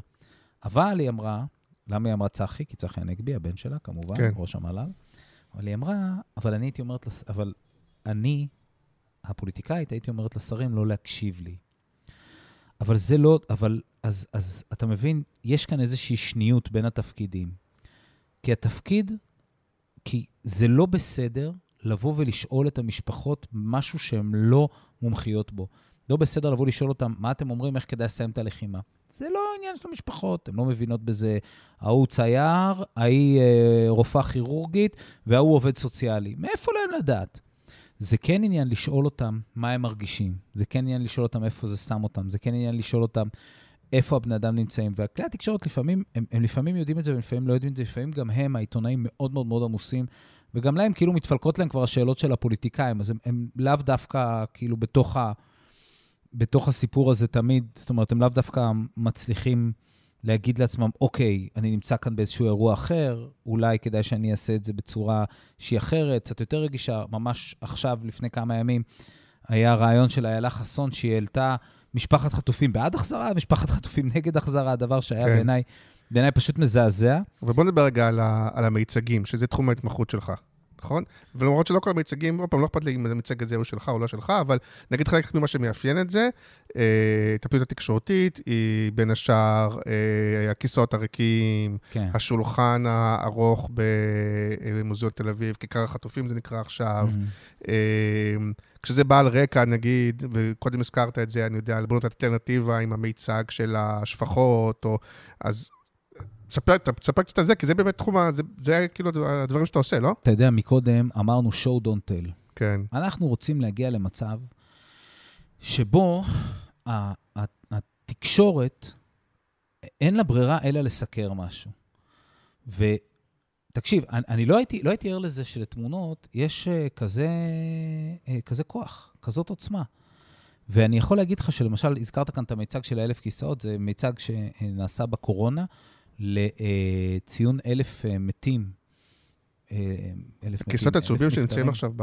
לא, לא, לא, זה היה ממש ב-2020.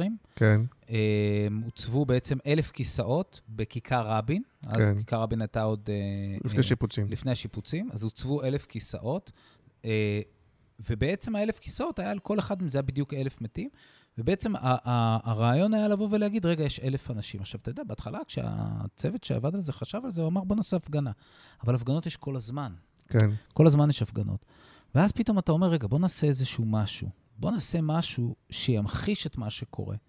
ואז ברגע שאתה מציב את האלף כיסאות האלה, אתה שם ורד אדום על כל אחד מהם, אתה שם, אה, אתה שם, אתה שם מודעה עם השם, ואתה מצלם את זה, פתאום אתה, וואו, אתה, אתה מבין משהו. עכשיו, גם לכלי התקשורת גם קורה משהו.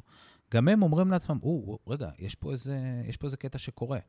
זאת אומרת, אני מנסה לספר סיפור, ואני מספר אותו בהרבה מאוד מלל, והנה מישהו בא ומציב את הדבר הזה באיזשהו דימוי ויזואלי אחד. עכשיו, בתור יועץ תקשורת, תשמע, אחת מהבעיות של יועץ תקשורת, אתה אומר לעצמך, רגע, האם התקשורת בכלל תבוא לסקר אותי? זאת אומרת, אל תשכח שאני תמיד שני צעדים מהמוצר.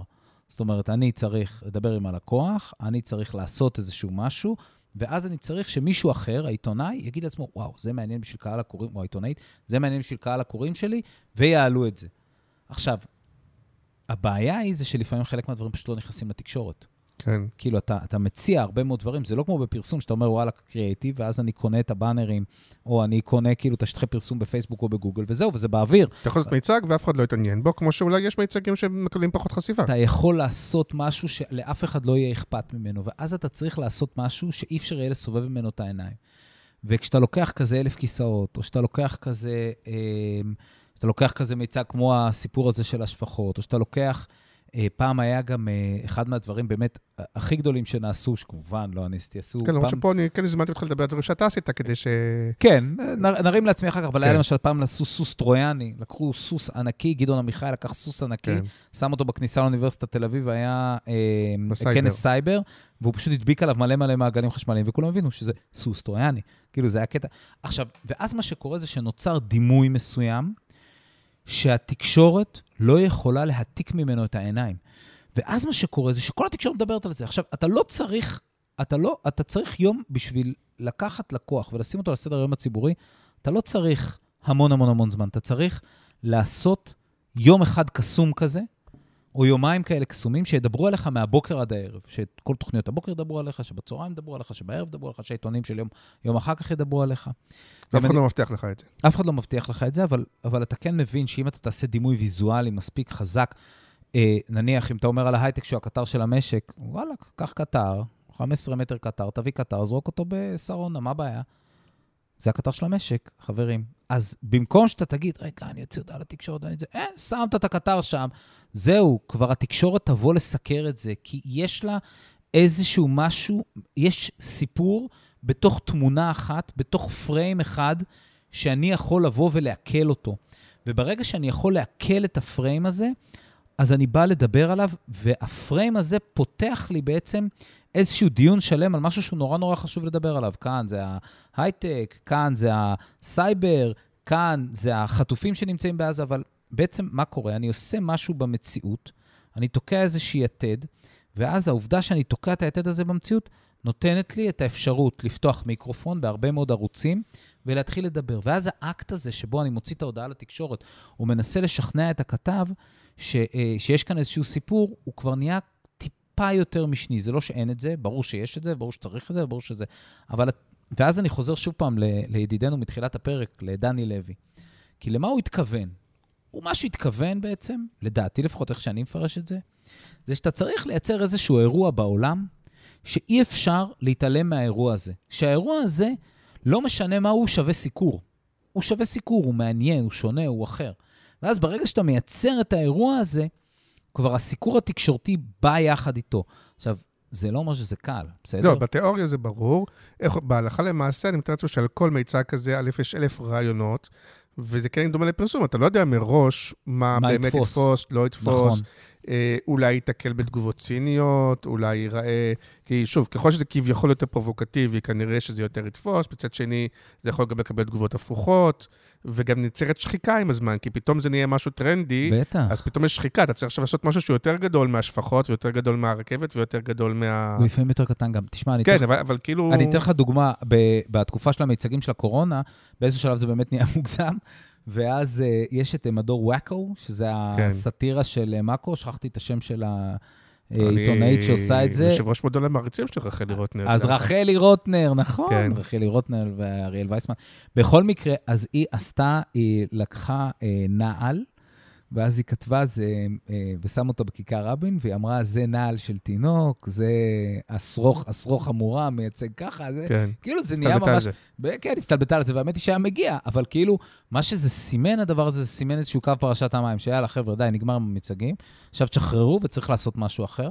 ואני חייב להגיד שאנחנו באמת עוברים בישראל, כל פעם אנחנו, במיוחד עכשיו, אנחנו עוברים איזשהו, אתה, אתה יודע, את הטקסטבוק של, ה, של המחאות הלא אלימות, אנחנו כאילו ממצים אותו פעם אחרי פעם, ואני חייב להגיד לך שבמבצע הזה, בשירי ביבס, שדיברנו עליו, אז בשיר הרס, היו, אה, היו לולים, הבאנו כאלה לולים, שזה היה כאילו ספין-אוף על המיצג הגדול של הלולים הקטנים האלה שהציבו בכיכר החטופים. היה איזשהו אמן שהציב מלא מלא מלא מיטות של תינוקות בכיכר מהמם. החטופים. אה, וכאילו לקחנו את זה, אבל בסוף זה לא תפס. זאת אומרת, מה שתפס, זה תפס הדבר העדין, הקטן הזה, של השיר? ששרו שיר הרס. זה הדבר שתפס. ואני רוצה להגיד לך עוד משהו לגבי המיצג הזה. היה לו מעט מאוד סיקור בתקשורת מסורתית, וסיקור מפגר ברשתות חברתיות. זאת אומרת, היום שאתה תחפש את מיצג שיר הרס, אתה לא תמצא אותו כל כך הרבה בוויינט, אבל כמעט כל מי שישמע את הפודקאסט הזה זוכר את המיצג הזה. כי קראו על זה ברשתות החברתיות בטירוף, וזה נגע, נגע לאנשים. עכשיו, מה שזה אומר, זה אומר עוד משהו לגבי הענף הזה שנקרא יחסי ציבור. אנחנו צריכים להבין שאנחנו ביחסי ציבור אה, חייבים לאט-לאט למשוך לאזור הזה של יצירת התוכן. זאת אומרת, אם אנחנו, אנחנו צריכים לייצר תוכן, שהתוכן הזה יהיה מסוכר על ידי כלי התקשורת. אם אנחנו לא נייצר תוכן ואנחנו רק ננסה כל הזמן לרכב על איזשהו משהו שקרה במציאות ולנסות להגיד, אה, עוד מינוי, עוד מיזוג, עוד זה, אם אנחנו לא נייצר את התוכן, לתקשורת לא יהיה מה לסכם. אז הנה, אני מקדם את השיחה, ויכול להיות שלשאלה הבאה אולי אתה יותר אה, פרשן, כן? אני, כי יכול להיות שזה כבר פחות. אה, ותגיד לי אם, אה, אם זה נוהל, אפרופו יחסי ציבור שהוא מאחורה, או לא, זה תרם לכם או לא תרם לכם, אבל בשלב שבו, בגלים ששחררו את החטופים, כל הדבר הזה שזה התחיל להיראות כמו תוכנית ריאליטי, ותקשורתית, פתאום נהיה... אה, אתה יודע, זה הגיע למצב שכשמשחררים את האנשים, יש טלוויזיה, יש מצלמה בבית של ההורים שרואים את הריאקשן שלהם, רואים פעם ראשונה את החבר'ה, ו- וממש דברים של תוכנית ריאליטי, נכון, הם מגיעים עם הרכבים, נהיה פה אה, בציניות, כמו בתוכנית ריאליטי, אפרופו... אה, הש- השמות שהזכרת, יש פתאום כאילו יותר סלבס, פחות סלבס, יש אליסטים, יש כל מיני, אתה יודע מה אני מתכוון? זה כאילו פתאום תקשורתית, עכשיו זה דבר שהוא הוא נוהל איכשהו, או שהוא קרה מעצמו, זה, זה טוב למטה, זה לא טוב למטה, אז אין לך מושג מה מדבר בכלל, אני, אני, אני רוצה להגיב לגבי זה. כן. איזה זוועה.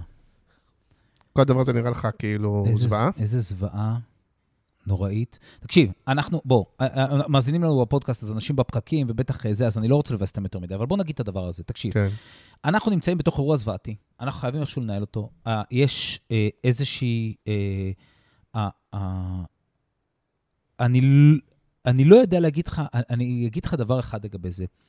אני לא, אני לא, אני משתדל לא לקלל הרבה כשאני uh, זה, אבל במקרה הספציפי הזה אני רוצה לקלל. איזה כלבים בני כלבים. אגב, כלבים זה אחלה חיה, אז אולי לא הקללה מי כלבים? התקשורת? החמאס, על הדבר הנורא הזה, על מיצגי הזוועה שלהם בכיכר פלסטין של שחרור החטופים, על הדברים הנוראיים שהם עשו לחטופים לפני זה, כדי שהם יחייכו והם ינופפו להם. איזה תת אה, אה, רמה של בני אדם אתה צריך להיות בשביל לעשות את הדבר הזה. אבל כל תוכנית ריאליטי הזאת, גם אנחנו שותפים, לא רק בצד שלהם. אני חייב להגיד לך שאנחנו לא שותפים, אנחנו קורבנות. אנחנו קורבנות של הדבר הזה. ואנחנו קורבנות, למה אנחנו קורבנות? אנחנו קורבנות בגלל שאנחנו אוהבי חיים.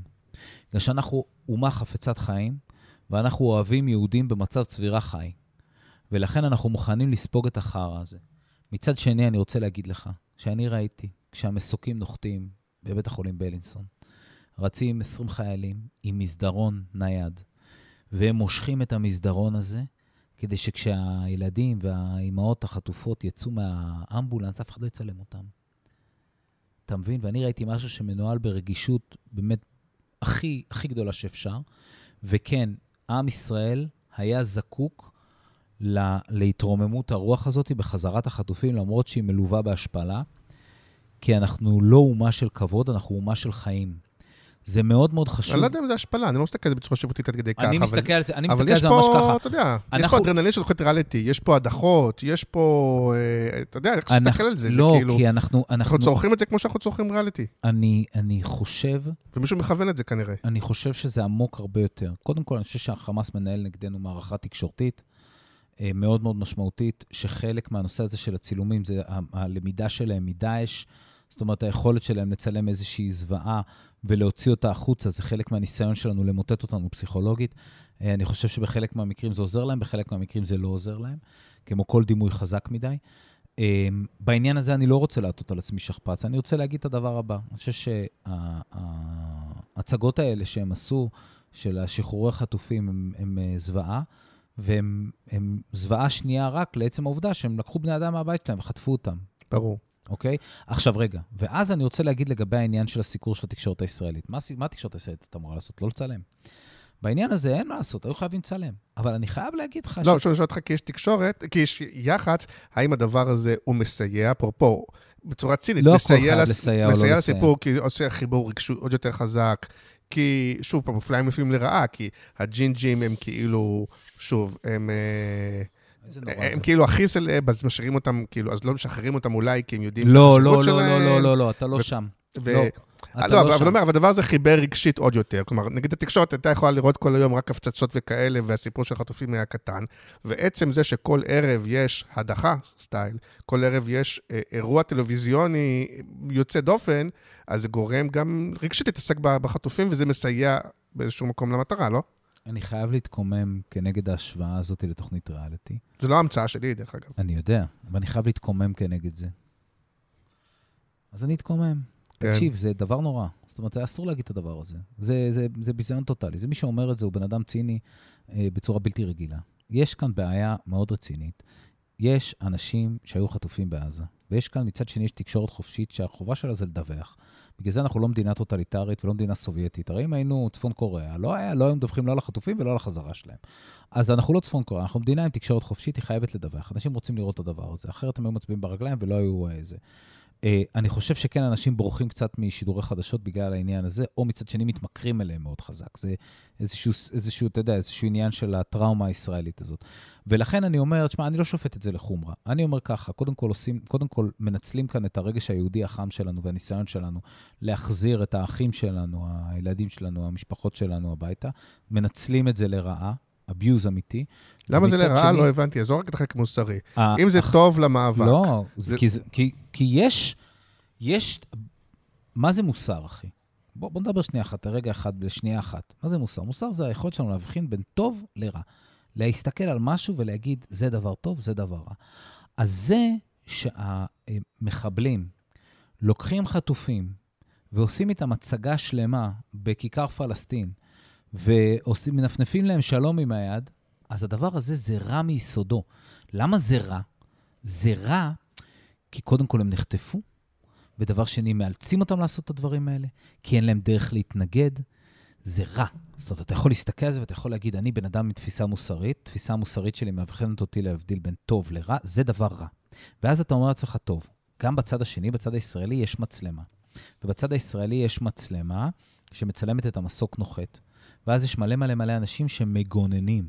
זאת אומרת, פה אתה, אתה לוקח מצד אחד, לא היה בן אדם אחד שגונן על החטופים ביציאה מזה, זרקו עליהם אבנים בזה. ברור. זאת אומרת, כאן אתה לוקח כאילו איזשהו, אתה יודע, אתה לוקח איזשהו פרח חשוף, ואתה חושף אותו לכל, ה, לכל הרוע והחשיפה והזה, ואז מהצד השני אתה מצלם איזשהו משהו מגונן, אתה מצלם איזשהו משהו עטוף, אתה מצלם איזושהי אומה שלוקחת את כל הכוח הפיזי והיכולות שלה, והפלסטיקים שלה, והמסדרונות שלה, והרופאים שלה, והאחיות שלה, והם מתעסקים, מתעסקים כולם בלייצר מעטפת הגנה, מעין כיפת מתכת ופלסטיק מסביב לאנשים האלה, כדי לנסות לבודד אותם ולהגן עליהם וזה. ואז מה אתה אומר? אתה אומר, אני מסקר את זה. הסיקור הוא אותה סיקור, המצלמה היא אותה מצלמה. אבל אצל הערבים, אצל החמאסניקים, לא אצל הערבים בכלל, הערבים, יש ערבים טובים, יש ערבים חמאסניקים, אפשר להפריד, יש ערבים ישראלים, יש ערבים בצה"ל, הכל בסדר, ערבים זה אחלה. אבל אצל החמאסניקים זה רע. זה רע, אתה בתור בן אדם שיודע להבדיל בין טוב לרע, אתה יודע להגיד בתפיסה המוסרית שזה דבר רע. ובישראל זה טוב, כי בישראל מה שהתקשורת מסקרת, היא מסקרת את ההגנה. ואני לא מספיק ציני בשביל להגיד האם אני מרוויח או מפסיד מהעניין הזה. האמת היא שאני חייב להגיד לך שזה מאוד לא מעניין אותי. למה, אין כי משפחות... מהרגע, מהרגע שחטוף שוחרר, אז הכל אה, מבחינת המשפחה שלו, אלא אם כן יש עדיין חטופים, נגמר. זה נגמר, הוא עכשיו הוא בשלב שנגמרה הטראומה. אתה יודע מה זה טראומה ביוונית? תגיד. טראומה ביוונית זה פצע. אז הפצע, הפצע, הפצע הנפשי, זה הזמן שלו להתחיל להגליד.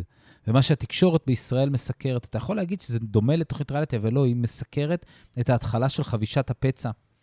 כי יש עוד צורך בשבילנו לעורר אה, את ה... קודם כל, יש לה צורך לסקר, כי היא תקשורת אה, חופשית במדינת ישראל, במדינה, במדינה שהיא עדיין מדינה דמוקרטית, ואני מקווה שתישאר ככה עוד הרבה שנים, אז יש צורך לסקר, כי זה אחד מהערכים שלנו, תקשורת חופשית, אנחנו צריכים לראות את המציאות כמו שהיא, בין אם היא חרא ובין אם היא טובה. והדבר שני, ה- ה- ה- לא זוכר. אז אני אגיד, אני, א', אני רוצה להגיד, בגלל שאנחנו לא מכירים לפני, אני אגיד בגלוי, אולי בשאלה הבאה זה יותר יתחבר לי, אבל אני יודע מה לגמרי פיצחתי עם, אה, עם מה שאתה אומר, זה באמת כאילו, ככה אתה חושב, אתה באמת לא ציני כמוני, אתה זה וזה, או שזה באמת גם התנהלות תקשורתית, אבל הנושא הבא אולי אה, יפרוץ את הסכר, אה, יאללה, אבל, קדימה, אבל מקווה. שלא יותר, לא יותר מדי, כי השלב האחרון הוא, ופה אני מזהיר, אני לא רוצה להיכנס לשיחה פוליטית, אבל, אבל כן התקשורתית. השלב האחרון הוא שאם אתה יכול לספר לי איך זה קרה, ושוב, האם זה קרה, כמה זה קרה בצורה מנוהלת, או כמה זה קרה מעצמו, שהדבר הזה פתאום נהפך להיות אה, פוליטי. אם אתה שמאלני, אנטי ביבי, לא יודע מה, אתה בעד החטופים, ואם אתה ימני, בן גביר סמוטריץ', אתה אה, נגד עסקה ובעד הזה, ופתאום זה נהיה פוליטי, כל הסיפור הזה. זה, שוב, זה, מישהו מנהל את זה לאינטרסים, לא אינטרסים, זה קורה מעצמו, זה קורה מהמטה, זה קורה מהפוליטיקאים. איך זה קורה הדבר הזה? פה אפשר להיות ציניים, או שגם פה לדעתך זה... לא, מותר להיות ציני- מותר להיות ציניים בכל שלב, רק אנחנו צריכים, תשמע, רק מה הנקודה? אנחנו צריכים תמיד לשאול את עצמנו, רגע, שנייה, בוא נדבר שנייה קודם כל על הנקודה של הציניות. אני לא חושב שאנחנו צריכים להיות ציניים, אבל אנחנו כן צריכים לעטות על עצמנו שכפ"ץ קרמי רגשי, כבר השתמשנו בדבר הזה, ולהיות קרים רגע לגבי סיטואציה, כי אנחנו חייבים להניע מהלכים ציבוריים. הרי זו המומחיות שלי, להניע מהלכים ציבוריים, באמצעות התקשורת, באמצעות מהלכים ציבוריים. אז זה מה שאני עושה בחיים, זה מה שאני יודע לעשות. אז אני יודע שגם אם יש משהו שהוא גורם לי אישית לבכות ולמרר בבכי, ממש, או סתם למצוא את עצמי בבוקר באמבולנס נוסע למאיר, בגלל ש... בגלל שזה כבר היה הכל יותר מדי. אז, אה, אה, אז אני יכול להגיד לך, אה, אגב, זו אחת הסיבות ש, ש, שסיימתי את ההתנדבות, זה היה פשוט, זה, זה פשוט היה יותר מדי, אני. מוכרח להגיד, כן. רגשי ו... אה, אז גם עומס רגשי, אבל גם אני חייב להגיד שכבר הרגשתי שהדברים מנוהלים, ושכבר לא צריך. זאת אומרת, הם, הם בסדר, החבר'ה, והרבה מאוד מהחבר'ה שאנחנו התעסקנו איתם אז השתחררו, ו, אה, והרגשתי שהדברים מנוהלים, ושאם אם, אם יצטרכו אותי, יקראו לי עוד פעם, מהמם. ואני אבוא בכיף ואני אני אעשה כל מה שצריך, אבל אם לא, זה גם בסדר, כי, אם יש, אנש, כי יש אנשים טובים שמנהלים את זה. ולגבי הסיפור הזה של ימין-שמאל, אני חושב ש... שברגע שהדבר הזה נמשך לתוך המגרש הפוליטי, אנחנו, אה, אנחנו מאבדים את הערכים שלנו כמדינה. הערכים שלנו כישראלים, הם לא להגיד לעצמנו, קודם כל אנחנו צריכים להבין מה הערכים שלנו בתור ישראלים. עכשיו, אתה שואל את עצמך, האם, מה אתה שואל אותי בעצם? אתה אומר לי, תגיד לי, ניר, האם משתמשים בסוגיה של החטופים בשדה הפוליטי? אז אני אגיד לך שבכל סוגיה במדינת ישראל משתמשים בה בשדה הפוליטי. אתן לך דוגמה, אה, היה לנו עכשיו סיפור עם אה, מס על משקאות ממותקים. קראתי בדה-מרקר פרשנות של צבי זרחיה, שאומר שבכלל הסיבה שרצו להטיל את המס על המשקאות הממותקים, זה מכיוון שרצו לדחות את הבחירות. מה דין שמיטה להר סיני? כן, קון, על פי צבי זרחיה, זה, צביקה זרחיה, זה קוניונקטורה פוליטית. אז הכל נמשך לשדה הפוליטי. בבסיס, זה משרת את מטה החטופים שזה הפך להיות, אה, אה, שכביכול השמאל או האנטי-ביבי רוצה, רוצה לשאול, אני רוצה לשאול האם זה, משחרר, האם זה משרת את החטופים. כן. האם זה משרת לא, את החטופים ומשפחותיהם? לא, אני חושב החטופים והחטופים זה אותו דבר. אז, אז אני רוצה... לא זה משרת פוליטית את רונן צור, זה לא, גם שאלה, אני... אבל אה, לא, לא נדון על זה. אז אני רוצה לשאול את השאלה אם זה משרת את משפחות כן, החטופים ואת כן. החטופים. ברגע שהדבר הזה הופך להיות נושא שהוא לא נושא של כלל ישראל, זה גורם לזה שהשחרור של החטופים מתרחק. אוקיי, אמרתי את זה, ועכשיו אני אגיד את זה יותר חזק. הנושא של החטופים הוא לא נושא שהוא צריך להיות בכלל במחלוקת מפלגתית. לא, הוא אסור שהוא יהיה במחלוקת מפלגתית במדינת ישראל. מכיוון שהנושא של החזרת החטופים ביש, לישראל הוא נושא שנמצא בבסיס הקיום שלנו כאן במדינת ישראל. זאת אומרת, הסיבה שאנחנו חיים כאן במדינת ישראל, אני מזכיר לך את תחילת הפרק, זה כדי שלא יוכלו לקחת יהודי, יהודי או יהודייה מהבית שלהם ולעשות מה שהם רוצים. דוד בן גוריון כשהוא חתם על מגילת העצמאות, לא היה כתוב שם וחיסול החמאס, או חיסול כל אויבינו. לא, תהא בית לאומי, אה, תהיה, אה, תהיה בית לאומי. ובכל זאת זה קורה, זה לא קורה מעצמו. אבל זה, זה קורה וזה לא קורה מעצמו, וזה לא משרת את כלל ישראל. זה לא, משרת את, זה לא משרת את עם ישראל, זה לא משרת את הישראלים, זה לא משרת את העם היהודי. זה הפוך לחלוטין מכל הערכים שלנו כיהודים ציוניים במדינת ישראל. זה נורא, זה שיקוץ, וצריך להתקומם נגד זה בוקר-בוקר. עכשיו, אתה הרי שואל, שואל אותי את השאלה, שאלת אותי מקודם, תגיד לי, זה ציניות או זה... לא, האם זה משרת את המטה? האם זה בא מהמטה, או שאתה אומר לי בעצם זה לא משרת את המטה ולא בא מהמטה? שוב, כי אתה לא בתוכו, אתה משער, אתה כפרשן. אה, אז מה זה אומר? שזה בא רק מהצד הפוליטי? זה, זה חייב להיות, הסוגיה של החטופים חייבת להיות סוגיה כלל-ישראלית. אבל אתה שאלת אותי שאלה כן. נוספת. אתה אמרת לי, תגיד, ניר, זה, מה שאתה אומר, האם זה עמדה אישית או שזה עמדה צינית? ועכשיו אני אגיד לך ככה לגבי העניין הזה. תשמע, אני אישית, אה, איכשהו יצא, אתה יודע, במשרד אצלי, שאנחנו מטפלים רק בלקוחות ש... שכאילו מסתדרים איתנו. זאת אומרת, שרואים את העולם פחות או יותר בתפיסה שלנו. זאת אומרת, אחרת כן. הם לא באים. זאת אומרת, אחרת הם לא באים, או אחרת הם... אתה לא שכיר חרב שיכול לכל מטרה, גם אם היא נוגדת לא, ראיית עולמך. אנחנו ללא ספק, ללא ספק, אנחנו, ללא ספק אנחנו שכירי חרב, בואו בוא נתחיל מזה. אבל אנחנו, אבל אנחנו, המזל, הקרמה, הקרמה זה תעשה טוב, תקבל טוב, המזל, הקרמה, הדרך, גרמה לזה שאנחנו עובדים רק עם אנשים שאנחנו יכולים להסכים איתם על הדרך שבה הם רואים את הדברים. אחרת אנחנו לא מצליחים להסתדר איתם ואנחנו פשוט לא עובדים איתם. אה, זה גורם לזה שאנחנו יותר קטנים, זה גורם לזה שאנחנו יותר בוטיק, בוטיק זה הכינוי למשרדים קטנים. כן. גורם לזה שאנחנו יותר, כן. גורם לזה שאנחנו יותר בוטיקים. יש לי הרבה חברים שהתחלתי יחד איתם, והם מוצלחים וגדולים, ומחזיקים משרדים ותקציבים וזה, והם נהדרים ומוצלחים, ו- וכל הכבוד להם. אני לא יודע, לא יצא לי להיות כזה, אבל אני יכול להגיד לך דבר אחד, לפחות, אני, אני יודע שאני קם בבוקר, וכשאני עושה את הדברים, אז לפחות אני מאמין בהם. ואני חושב שגם בחלק מהמקרים, בחלק ניכר מהמקרים, זה גם עובר לתקשורת. כי אז הם יודעים שוואלה, אז הירשמן תקשורת מתקשרים. אז הירשמן תקשורת, זה בא להם גם עם איזשהו סוג, של, סוג מסוים של אמינות. זאת אומרת, הם יודעים שאנחנו מאמינים במה, שהם, במה שאנחנו אומרים, והם גם יודעים שאנחנו לא נעבוד עליהם. זאת אומרת, שאנחנו נביא להם את הדברים כמו שהם, וזה גם מה שאני מביא לך את הדבר כמו שהוא. ומה הדבר כמו שהוא? תקשיב, לקחת את החטופים לתוך השדה הפוליטי, זה לפגוע בבני אדם שישבו בבית בשמחת תורה, באו מחבלים, נאצים, רוצחים, לקחו אותם מהבית. אסור לנו לפגוע בהם.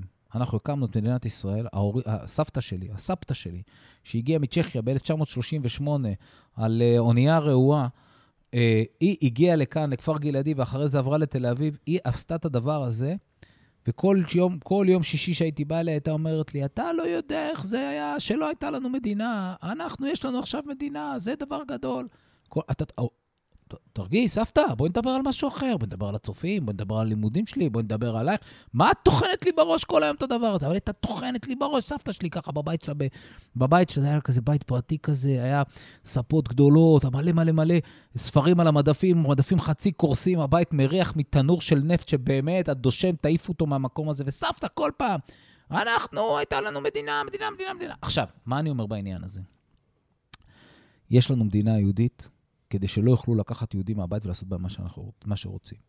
המחויבות שלנו לכן היא להחזיר את החטופים. ולכן מי שגורר אותם לתוך המגרש הפוליטי, הולך נגד הסיבה שבגללה, שבזכותה אנחנו חיים במדינת ישראל. ולכן אם הוא עשה את זה, הוא טועה, וכדאי שהוא יפסיק. אוקיי, ושאלה אחרונה, רוב המאזינים לדעתי והמאזינות הם יותר בעולם המסחרי. האם אפשר מהעבודה שלך, על, אה, לא דיברנו כמעט על הייטקיסטים, אבל בסדר, דיברנו על אה, רוב הזמן על החטופים, אבל באמת על הייטקיסטים ועל החטופים וכאלה והמיצגים ודברים שאתה עושה, האם אפשר להקיש מזה גם לעולם המסחרי? כי בעולם המסחרי אנחנו רואים פחות כאלה. לא, אנחנו עושים לא מעט מסחרי גם. אה, אנחנו עושים לא מעט... אה, לא מעט במסחרי בסוף זה נגמר בהודעות לעיתונות, או שגם שם יש מיצגים לא, לא? ברור, ש... ברור ו- שעושים. ברור שעושים. זה, כאילו, שוב מה אפשר ללמוד אני מזה לא- ב- אני לא כל כך... המנהלי שיווק שמקשיבים? אז זהו, אז, אז קודם כל, אה, אני כמובן לא אדבר על אף לקוח ספציפי, אבל מה שמגניב בזה, זה שה... זה אותו דבר. רגע, יש פה דווקא משהו מעניין. הרבה פעמים האנשים כמוך אומרים, אני לא מדבר על לקוח ספציפי. זה בגלל שרוב הדברים שנעשים הם כאילו דברים שדווקא לא רואים אור יום, הם כאילו קצת במחשכים. כלומר, כדי להשיג את האייטם, אני עשיתי כל מיני דברים שאנחנו לא נספר אותם, אבל הם מה שגרמו לזה בסוף, זה כאלה? לא, זה, זה? זה, לא, זה לא שם, פשוט... ששוב יצאתי ציני. לא, לא, זה, זה בגלל שבדרך כלל, אם אתה רוצה לדבר על לקוח ספציפי, אז אתה רוצה לשאול מבקש- אותו קודם. אתה רוצה כן. להגיד לו, תקשיב, אחי, בוא, בוא תגיד לי את זה, שלא יצא, אתה יודע, שאני כאילו... אה, אה, הרי אתה מייצג, אני מייצג לקוח, בסדר? כן. אז אני בא, אני מציע לו את הרעיונות שלי, ואז הלקוח הולך ומבצע אותם, ואז עושים העברת בעלות ללקוח, אוקיי? אתה עושה העברת בעלות לרעיון, הרעיון כבר של הלקוח. וזה אחלה של קמפיין, זה של הלקוח, והלקוח שמח וטוב לב והכול בסדר. ואני, ככה אני רוצה. זאת אומרת, אני לא רוצה שזה. אבל איזה לכן- מהלך תקשורתי שאתה רוצה להשוויץ פה ואתה אומר, תקשיב, כמו לא- המיצגים, פה יש לי לקוח מסחרי, שבסוף עשינו לא יודע מה, והגיעה התקשורת, או גיא פינס, או אולפן שישי, או לא יודע מה, כי כמו שאמרת, הם היו חייבים לסקר את זה. או שהרבה פעמים הדברים האלה נעשים, שוב, כי לפעמים הדברים האלה גם נעשים קצת במחשכים, ומחשכים לא מישהו שילם למישהו, אלא עשו כל מיני... זה הרבה פעמים כן ההתמחות של אנשי אה, יח"צ, לייצ- לייצר כל מיני דברים שיגרמו לתקשורת להגיע, ולא אומרים את זה בקולי קולות. לא, לא, אצלנו זה מאוד מאוד מאוד outgoing. כן. כאילו, זה ממש ממש בחוץ. אה, אני לא חושב שזה... אני, אני אגיד לך ככה, תשמע, הדבר הכי חשוב זה להצליח... כאילו, המאזינים בטח ישמעו עכשיו ויגידו, בואנה, הוא לא עונה לגמרי על השאלה. אז אני לא אענה לגמרי על השאלה, כן. כי שוב פעם, אני לא רוצה להתייחס ללקוח ספציפי, אבל כן, הדברים הם פחות או יותר אותו דבר. זאת אומרת, אם אתה יכול לקפל משהו מסחרי לתוך תמונה אחת, כמו שאתה עושה את זה בפוסטר, כמו שאתה עושה את זה באיזשהו אירוע וכן הלאה, אז אם אתה יכול לקפל משהו לתוך תמונה אחת, אז זהו, אתה מצליח להעביר נושא ואתה יכול למקד גם ללקוח מסחרי, בין אם הוא טקי ובין אם הוא, אה, אה, בין אם הוא בתחום הקריפטו ובין אם הוא בכל תחום אחר, אם אתה מצליח לקפל את זה לתוך תמונה אחת, עשית את זה. אני, אתה יודע מה, אני אתן לך דוגמה, בסדר? עשינו לפני אה, אה, כמה שנים, הייתה אה, השקה של, אה, הייתה השקה של ארנק קריפטו. ומה שעשינו זה מילאנו את תל אביב בשלטים של אה, קוד QR, שיש על הקוד, הייתה לך אפשרות לבוא ולמשוך את המטבעות מתוך הקודים האלה.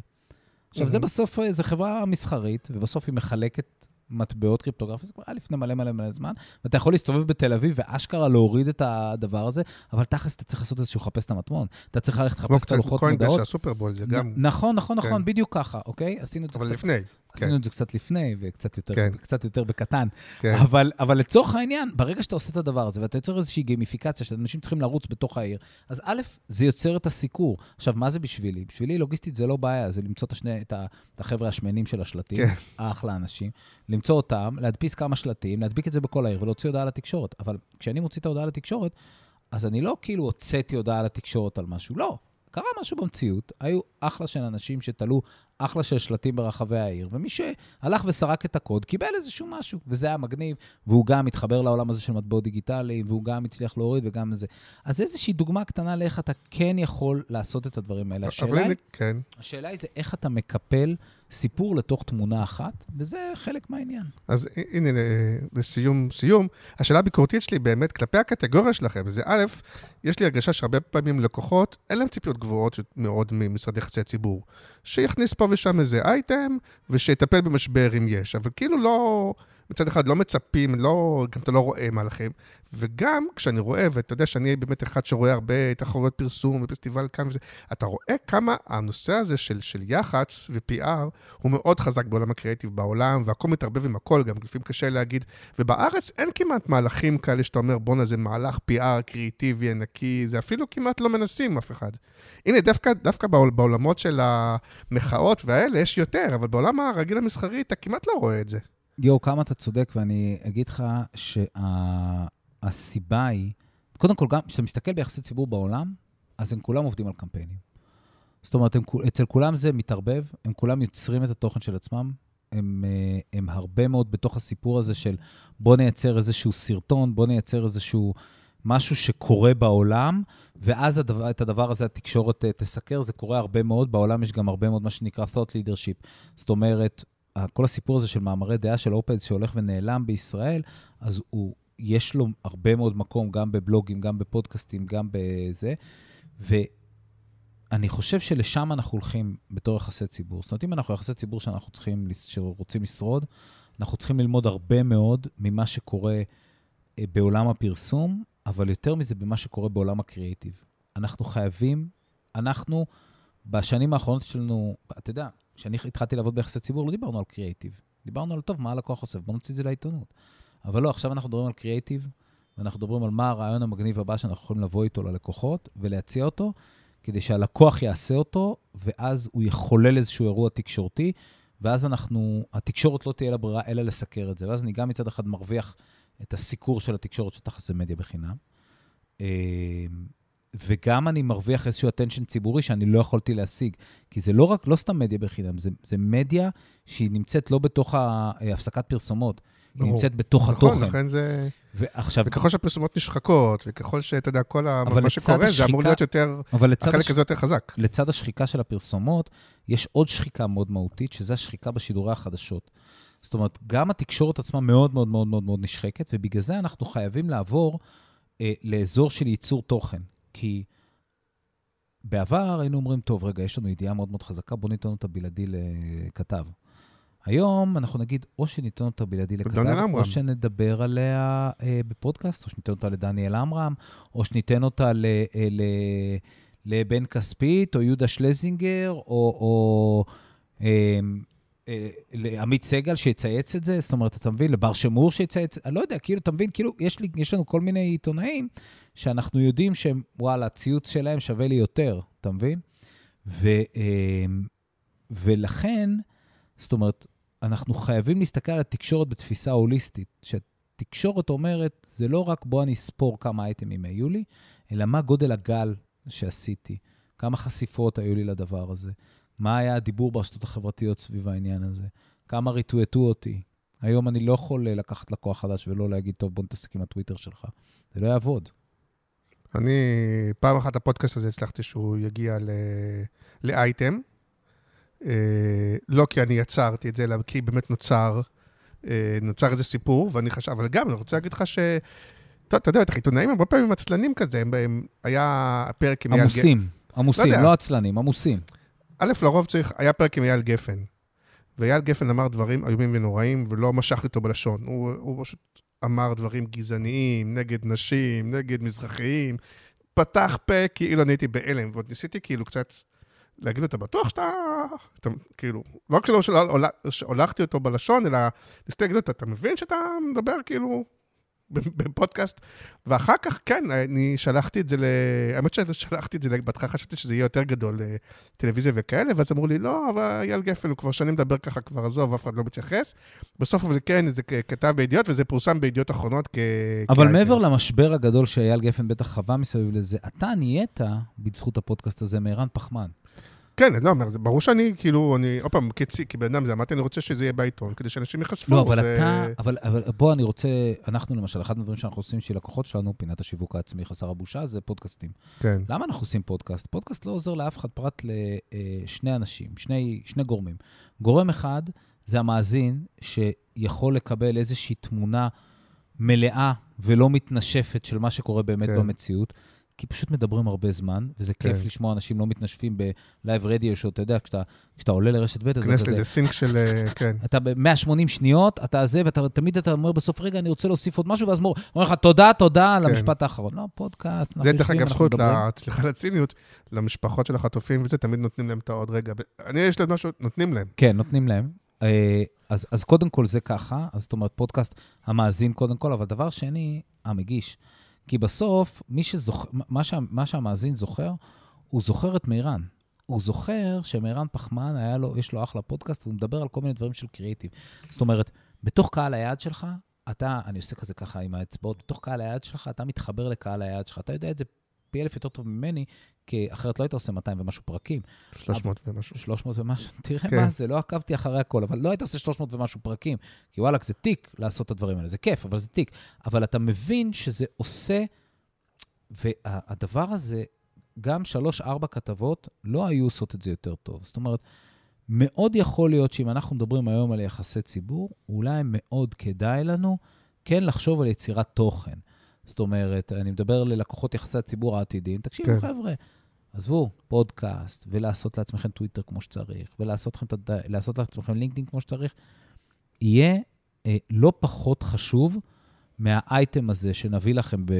לא יודע, בחדשות 12 או בידיעות זה אחרונות. במקרה נדיר, לרוב זה איזה אינצ'ים בעיתון שאף אחד לא קורא, כאילו. באייטם בברואות אני קורא לזה. זה לפ- כאילו, לפעמים- לרוב, אה, אתה יודע. לפעמים ככה ולפעמים ככה. זאת אומרת, לפעמים זה יכול להתגלגל פתאום לאיזה משהו ווף, שכל הזמן שומעים, ודבר שני, זה גם נתקע בגוגל מלא שנים אחר כך. אז אתה כן, יש לזה השפעה. ליחסי ציבור, תקשיב, יחסי ציבור כשהם עובדים, זה הכלי הכי עוצמתי שיש. מה שכן, אתה, למה הרי אנחנו האח העני של הפרסום, כמו שהיה לך פרק עם עידו מינקובסקי, שהוא אמר את זה, כן. האח, האח העני של הפרסום, אתה יודע, אם הוא האח העני, מה אני? האח הדלפון עם הכיסים כן. בחוץ. אבל, אה, אז למה אנחנו, כי אנחנו לא יודעים להבטיח לך את המוצר. בעולם הפרסום אתה יודע להבטיח. מה אתה יודע להבטיח? אתה יודע להבטיח שאתה תקבל קריאיטיב, אתה יודע להבטיח שאתה תקבל את השטחי פרסום, אתה יודע, אתה, אתה כאילו מוכר משהו מאוד מאוד מאוד ספציפי, אוקיי? ביחסי ציבור, אתה אומר, אני אתן לך סיקור תקשורתי, אבל זה לא תלוי בי. כאילו, זה תלוי באינג'ינויטי שלי, ביכולת שלי, בהבנה שלי, את התקשורת שלי, של הצוות שלי, זה בהבנה שלנו את התקשורת, ואנחנו, יש לנו איזשהו leap of faith, שגם הדברים יתפרסמו בכלי התקשורת. זה כאילו נכון מה שאתה אומר, אבל ההסבר היותר פשטני, שהוא מחובר למה שאתה אומר, הוא בסופו של דבר, שרוב עולם הפרסום, נגיד לא אני, לכן גם אני לא מהעשירים, אבל רוב עולם הפרסום בסוף מתפרנס ממכירת מדיה, ששם הכסף הגדול, וזה אין ביח"צ. כל השאר, אה, לחשוב על רעיון, לחשוב על סיפור, עיצוב, הפקה, זה די דומה. אבל הדבר שעושה את ההבדל, האם אתה בסופו של דבר עושה את הקצב שלך מ- מלסחור במדיה, ו- ו- ושם משרדי הפרסום הגדולים יתעשרו. בסוף, בסוף צריך להגיד גם ש... שזה לא רק זה. גם כלי התקשורת הולכים ומצטמצמים, וכמו שאתה יכול להגיד היום, שגם משרדי הפרסום הגדולים התעשרו מסחר במדיה, אז גם להם גוגל ופייסבוק נגסו. נכון, נכון. אז גם היום בעיתון מתנהל קרב בין המערכת לבין המחלקה המסחרית. והמחלקה המסחרית, ככל שנהיית, ככל שנהיית מצוקה יותר גדולה על המודל הכלכלי של העיתונות, אז המחלקה המסחרית נוגסת יותר ויותר מחזקת. חלקים בתוך העיתון, ואז, זאת אומרת, הסיקור שלך, בתוך, המערכת נהיית יותר חלשה, ואז חלק מהסיקור בכסף דולף לתוך המערכת, החומה הסינית ביניהם נשחקת, וכאילו, זה, זה נהיה מאבק יותר משמעותי. וחלק מהבעיה היא שאז העיתון. הופך להיות פחות מעניין, ואז קוראים אותו עוד פחות, ואז הבעיה מחמירה. כלומר, במקומות האלה, אתה יודע מה אני מתכוון? שבהם הסחר משתלט, זה רק מזרז את המוות. ואז, אבל, אבל אתה לא יכול, לפעמים אתה לא יכול כנראה להילחם בזה בזמן אמת, אבל אז מה שקורה זה שיוצרי תוכן עצמאיים, שלא מחויבים לחוקי הז'אנר, הולכים וצוברים תאוצה. או גופי תקשורת שלא עושים את זה בשביל הכסף, אלא בשביל מטרות אחרות, ואז החלק הכלכלי, אה, בשביל השפעה, בשביל אה, נכון, לא יודע מה, ואז החלק מסכים. הכלכלי אולי הוא פחות... אה, מסכים. אבל אנחנו על זה, על כך בפרק הבא. בהחלט, תישארו איתנו. בהחלט. תודה רבה, היה מעניין, היה בהחלט. כיף. אה, כיף. אני לא רואה אותך יותר מדי בקריאיטיב פירסט, אבל אה, אתה שם. ואם ישאלו ועניינים, ובאופן כללי, אני מנסה להכניס גם את עולם, אפרופו היח"צ, לא, למשל תחרות גרנות, לא, לא כך הצלחנו יותר מדי, הם לא כך מבינים מה אנחנו רוצים, עולם היח"צ, אבל גם זה אולי לאט-לאט. אני אבוא, כי... אני אבוא. תמיד ההגשות האלה היו נורא מסובכות בשבילי. לא, לא, לא, לא, להבין שבסוף כולנו באותו עולם, ובאמת זה מצטמצם, וכולם דורכים על הרגליים של כולם, אפרופו, אנחנו רוצים לעשות מהלך שארנד מדיה, מה זה ארנד מדיה? זה יח"צ, ויח"צ עושים משפיענים, ותוכן שיווקי, כבר יש בזה מדיה. כולם עם כולם, ובסוף כולם רוצים להביא את הרעיון ואת הסיפור, מה, מה ההבדל? זה הסיפור. כל אחד בכלי שלו. תודה רבה. תודה רבה. יאללה, ביי.